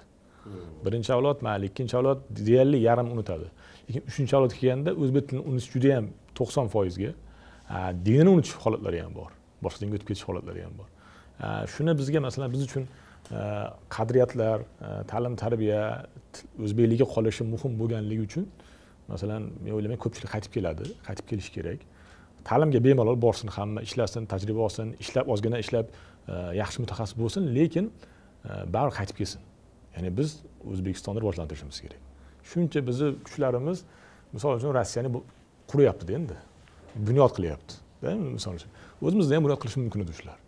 Yaxshi mutaxassislarimiz bor vrachlar bor boshqa ishlayapti shu rossiyada boshqada. Bizda ishlashi mumkin edi. O'sha men bilaman yamanga borib ishlab turgan vrachlarimiz bilaman. O'zimizda yaxshi vrach yetishmayaptiku. Bizda hozir mana o'quv markazlari haqida gapirildi oxirgi yillarda juda yam yaxshi tendensiya ilm qadrlanib qoldi. Yaxshi yurist bo'lsangiz yaxshi pul to'lashyapti advokat bo'lsangiz yaxshi pul to'lashyapti yaxshi vrach topib bo'lsangiz qabul qimmat yaxshi pul berib kirasiz yaxshi o'qituvchi bo'lsangiz rozi qilyapti. Yaxshi o'qituvchi bo'lsangiz yaxshi pul to'lanyapti. Mana o'sha internationaldagi nima ish haqlarini oladigan bo'lsangiz. Ya'ni ilgari qaysidir yillar to'qsoninchi yilda balkim e, ilmli odamlarni e, mehnati ularni ilmi qadrlanmagan bo'lishi mumkin lekin hozir qadrlanib qoldi. Hamma tushunib qoldiki pul yaxshi lekin hamma joyga mutaxassis kerak baribir mutaxassis kerak. Mutaxassis ish bo'lmaydi o'zim ish beruvchi sifatida aytamanki o'zbekistonda e, ish izli emas. O'zbekistonda kadrlar muammosi kadrlar muammosi bor. Hamma joyda kadr yo'q. Sifatli kadrlar. Sifatli kadrlar muammosi. Biz tayyormiz yaxshi yaxshi ish qilib berishga. Yo'q. Muammo shunda. Shuni aytamanki u o'zbekistonda ish yo'q deyish kerak emas. Odam o'zini ustida ishlashi kerak ish topadi. Muammosi yo'q. Ishlash kerak faqat. E, xursand bo'ladigani bozorimiz kengayyapti mehnat bozorimiz rostdan ham kengayyapti yuqori malakali va yuqori haq to'lanadigan e, lavozimlarga mutaxassislarga talab oshib boryaptida istalgan davlat tashkilotini rahbari bilan istalgan farqi yo'q. Ani ko'zimizni yumib bunday qilib belgilasak ham gaplashsangiz kadr yo'qligidan noriz shunaqa. Istalgani. Ya'ni xususiy sektorda ham shunaqa. xususiyda ham biznesda ham. U davlatga davlat o'zi aybdor u yerda ishlab bo'lmaydida sharoit shunaqa. Masalan men ishlolmaymanda u yerda ishlab bo'lmaydi. Yo'q lekin mana hozir shunaqa tendensiya ketyaptiki agar siz haddan tashqari yaxshi mutaxassis bo'lsangiz o'sha davlat tashkiloti ham sizni injiqliklaringizni ko'taryapti. Ishlab bo'lmasligi pul berishga ham tayyor kadrlardada?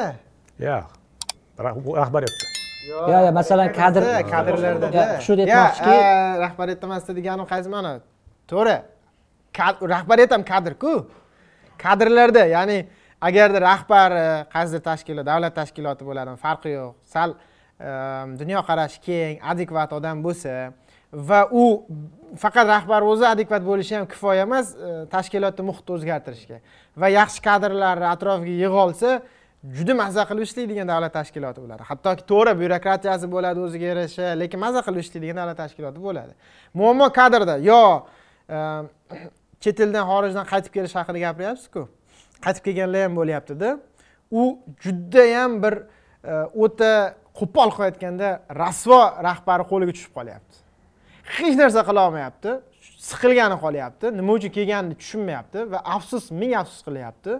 Yoki teskarisi rahbar bo'lib kelsa xodimlarini o'zgartira olmayapti. Komandani yangilashga qurbi yetmayapti. Masalan yuz kishilik vazirlikni hammasini yoki bo'lmasam eng ключевой eng muhim e, postdagilarni almashtira olmayapti.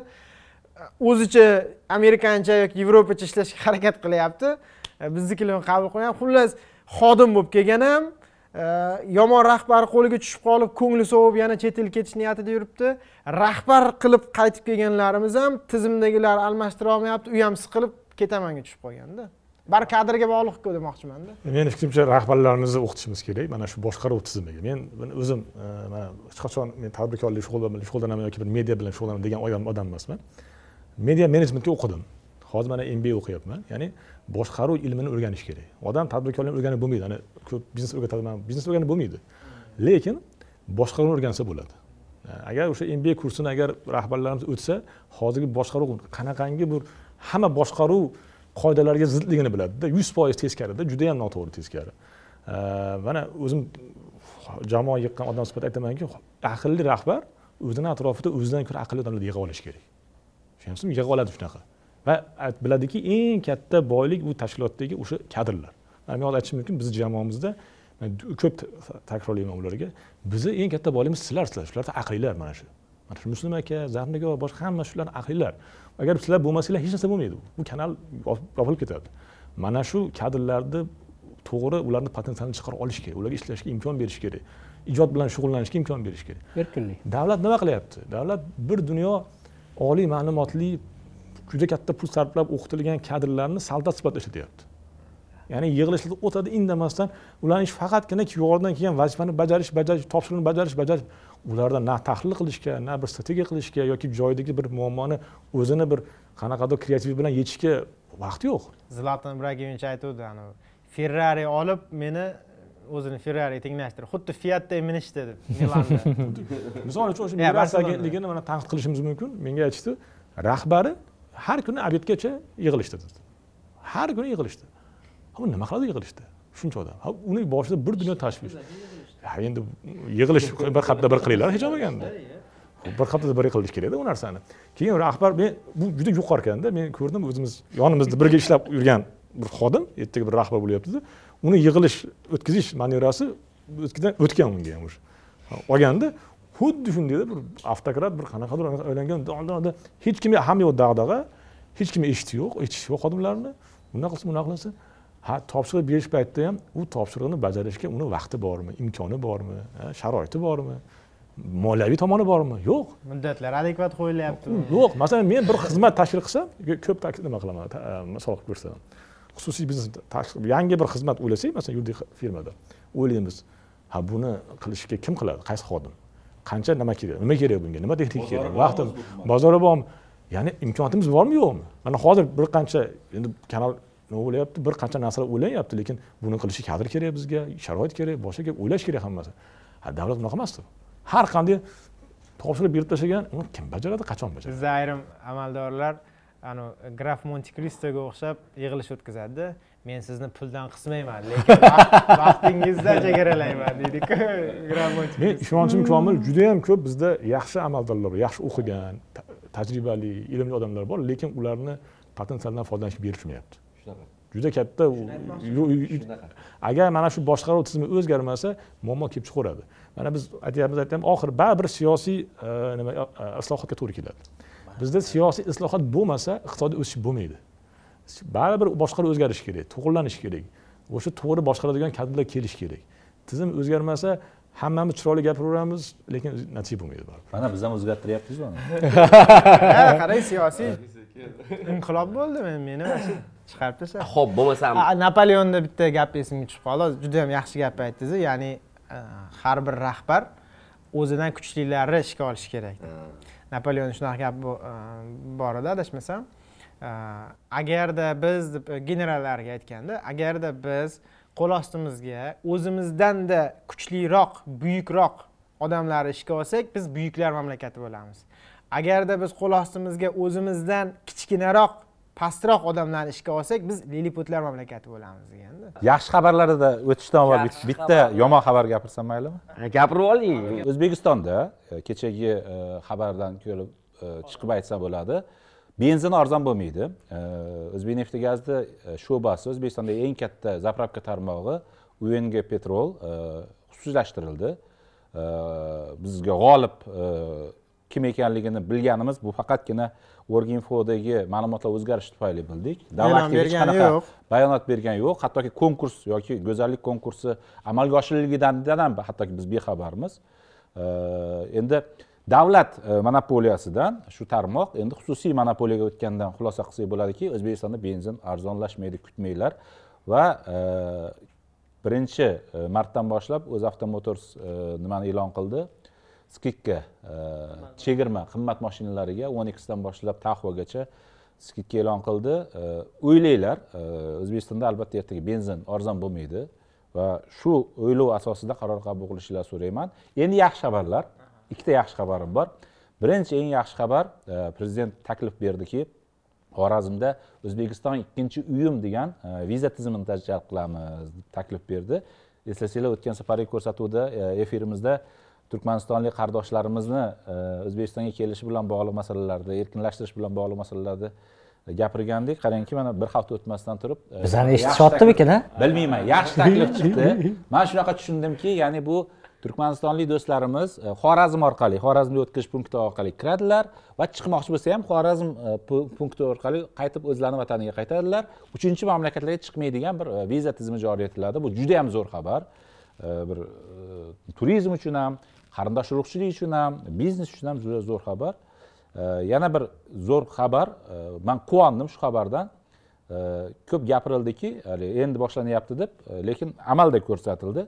ellik birinchi avtobusda toshkent shahrida ellik birinchi avtobusda ayol haydovchi e, elektrobusni haydashni boshladi saodat opa man juda yam xursand bo'ldim va shu e, opamizni e, o'rnaklari e, qolganlarga ham e, namuna bo'lish- bo'lishini istayman. Ayol haydovchilar ko'payishi kerak avtobus haydovchilari elektrobus haydovchilari. Man ishonamanki o'zbek ayollari nafaqat avtobus haydaydi elektrobus haydaydi samolyot ham haydaydi. Hali xudo xohlasa kosmosga ham xo'jayini ham haydaydi. Hammasini haydaydi. Yomonlarni ham haydaydi. Erini ham haydaveradi Ya, Yomon bo'lsa. erini haydamasin ha yomon bo'lsa Haydamas. yomon bo'lsada endi. gender tengligi va e, bitta narsa yana e, abdulla aripov e, bosh vazir hozir xitoydagi e, ya, keldi xitoyga borib keldi. Shinjonga. Prezident bu haqda ham aytdida o'sha yig'ilishda faollar bilan yig'ilishda men bosh vazirga jo'natdim dedi. Maqsad aynan temir yo'l bo'yicha qirg'iziston e, o'zbekiston xitoy temir yo'li masalasi ham ko'rilayotgan ekan. Ya'ni u shuning uchun o'zi si zinpin bilan borib gaplashib kelingan narsani imzolash uchun borilgan shunaqa e, ma'lumot aytildiki e, avval o'sha temir yo'l o'tkazish punkti faqat olti soat ishlagan ekan. Ya'ni o'zbekiston uchun olti soat masalan haligi chegara va ertalab soat e, misol o'n nol noldan o'n olti nol nolgacha ishlaydi bo'ldi qolgan payti yopiq turadi. Shuni borib muzokaralar natijasi si zinpin ruxsat beribdi yigirma to'rt soatga. Ya'ni istalgan payti bemalol endi bu xitoydan kelish va xitoyga chiqish ayniqsa tadbirkorlarga juda yam yaxshi yangilik bo'ladi. Tez orada agar bu rasman e'lon qilinsa men o'ylayman yana bu ham o'sha yo'l bilan bog'liq. Bizni o'sha iqtisodiyotimizni divers- diversifikatsiya qilishi asosiy bir g'oyasi ham baribir yo'l yotibdida tagida. Faqat rossiyaga iqtisodiy tomondan qarab bo'lmasligi uchun qancha ko'p biz transportirovka yo'llari hal qila olsak shuncha yaxshi. Savol bersam manimi aytishmadimi? Xitoy qirg'iziston o'zbekiston temir yo'li marhamatda o'tmas ekanmi Yo'q, sizni uyingizni so'rashdi. Qayerdan o'tsin deb chizib berdim mana shu yonidan boshinglar baloga qoladi dedingizmi agar mana shu marhamatdan o'tmasa. Shu yerda bojxona postini qilib belgilab bitta yo'q e, e, endi yo'l bu men e, bilmadim. Kecha va ha. Temir yo'l o'tishini bilib qolib kecha kunduzda edi xullas shu yaxshi xabarlar ruknimizga juda yam bir qiziqishlar ortyapti juda ko'pchilik yozyapti. Reklama bermoqchimiz deyishyapti lekin hech hali boya aytilganda yetib kelishmadi reklama berishga o'tgan safar ham bir ko'taruvdiku xullas bizni doimiy rukunimiz bo'ladi yaxshi xabarlar degan shu rukunimizni kuzatib boringlar va umuman yana bir fikr aytib o'tmoqchi edim ya'ni boyagina ham gapirgandim shu narsani shu hozir podkastimiz yakunida Э, migrantlar masalasi bo'yicha juda yam ko'p men ishonchim komil juda yam ko'p migrantlar ushbu lolazor podkastimizni kuzatishadi juda yam yozishadi e, kommentariyalarda ham yozib qolishadi men rossiyadaman men rostovdaman deb. E, albatta ushbu sonimizga mm, fikringizni qoldiring sizni fikringiz juda yam qiziq e, migrantlarimizni fikrlari juda yam qiziq manimcha botirjon akaga ham bu narsa qiziq bo'ladi. Nima asosiy juda yam siz o'sha yerda yuribsiz siz o'sha yerda bilasiz bu narsani. Qanaqa muammolar bor qanaqa murojaatlaringlar bor? Biz albatta keyingi sonda e, bir shu e, kommentariyalarni otabek aka o'zlari ko'rib chiqib bir besh o'nta yaxshisini eng e, anaqalarini o'qiymiz. Agar qanaqadir bir qo'shimchalar bo'lmasa botirjon aka sizda yaxshi xabar yo'qmidi so'ramadik hozircha yaxshi xabar man esimga kelmayapti aytdilar shekilli hammasi. Ha. Layk bosib qo'yinglar layk bosinglar hech tarqatinglar so'ramasdik ha albatta bu muhim ekan bu muhim ekan. muhojirlarga bir nima qilib qo'ysam kommentar. Ha yoqmagan bo'lsa dizlayk bossanglar ham bo'ladi. Muhojirlarga bir nima qilib qo'yay ya'ni muhojirlar bo'lsa iltimos qilardim layk bosinglar erga qo'llab quvvatlaydi chunki bu lolazor faqat zodagonlar kiradigan emas mana muhojirlarni muammosi bilan shug'ullanadigan ham e, podkastlar qilar ekan. Bizga bitta murojaat bo'lgan. Biz u odam bilan baribir qachondir bog'lanamiz. Eh, meni emailimga yozgan ekan. Men o'n yilmi o'n besh yil e, ham koreyada ishlab keldim ham rossiyada ishlaganman. Ya'ni oddiy odamlarni ham bir chaqiringlar men bir e, muhojirlar hayoti haqida gapirib bera olaman e, degan bir taklif bo'lgan. Biz uni o'qiganmiz agar bizni ko'rayotgan bo'lsangiz va albatta chaqiramiz. Xudo xohlasa endi biz o'zimiz rejamiz bor. Shu reja bo'yicha bizga qiziq to'g'risi. Balki hududlarga chiqarmiz xudo xohlasa. Balki e, turkiya rossiyaga borib koreyaga borib yozarmiz. Kim biladir amerikalarga borib olyaptiyu to'g'ri. Albatta albatta.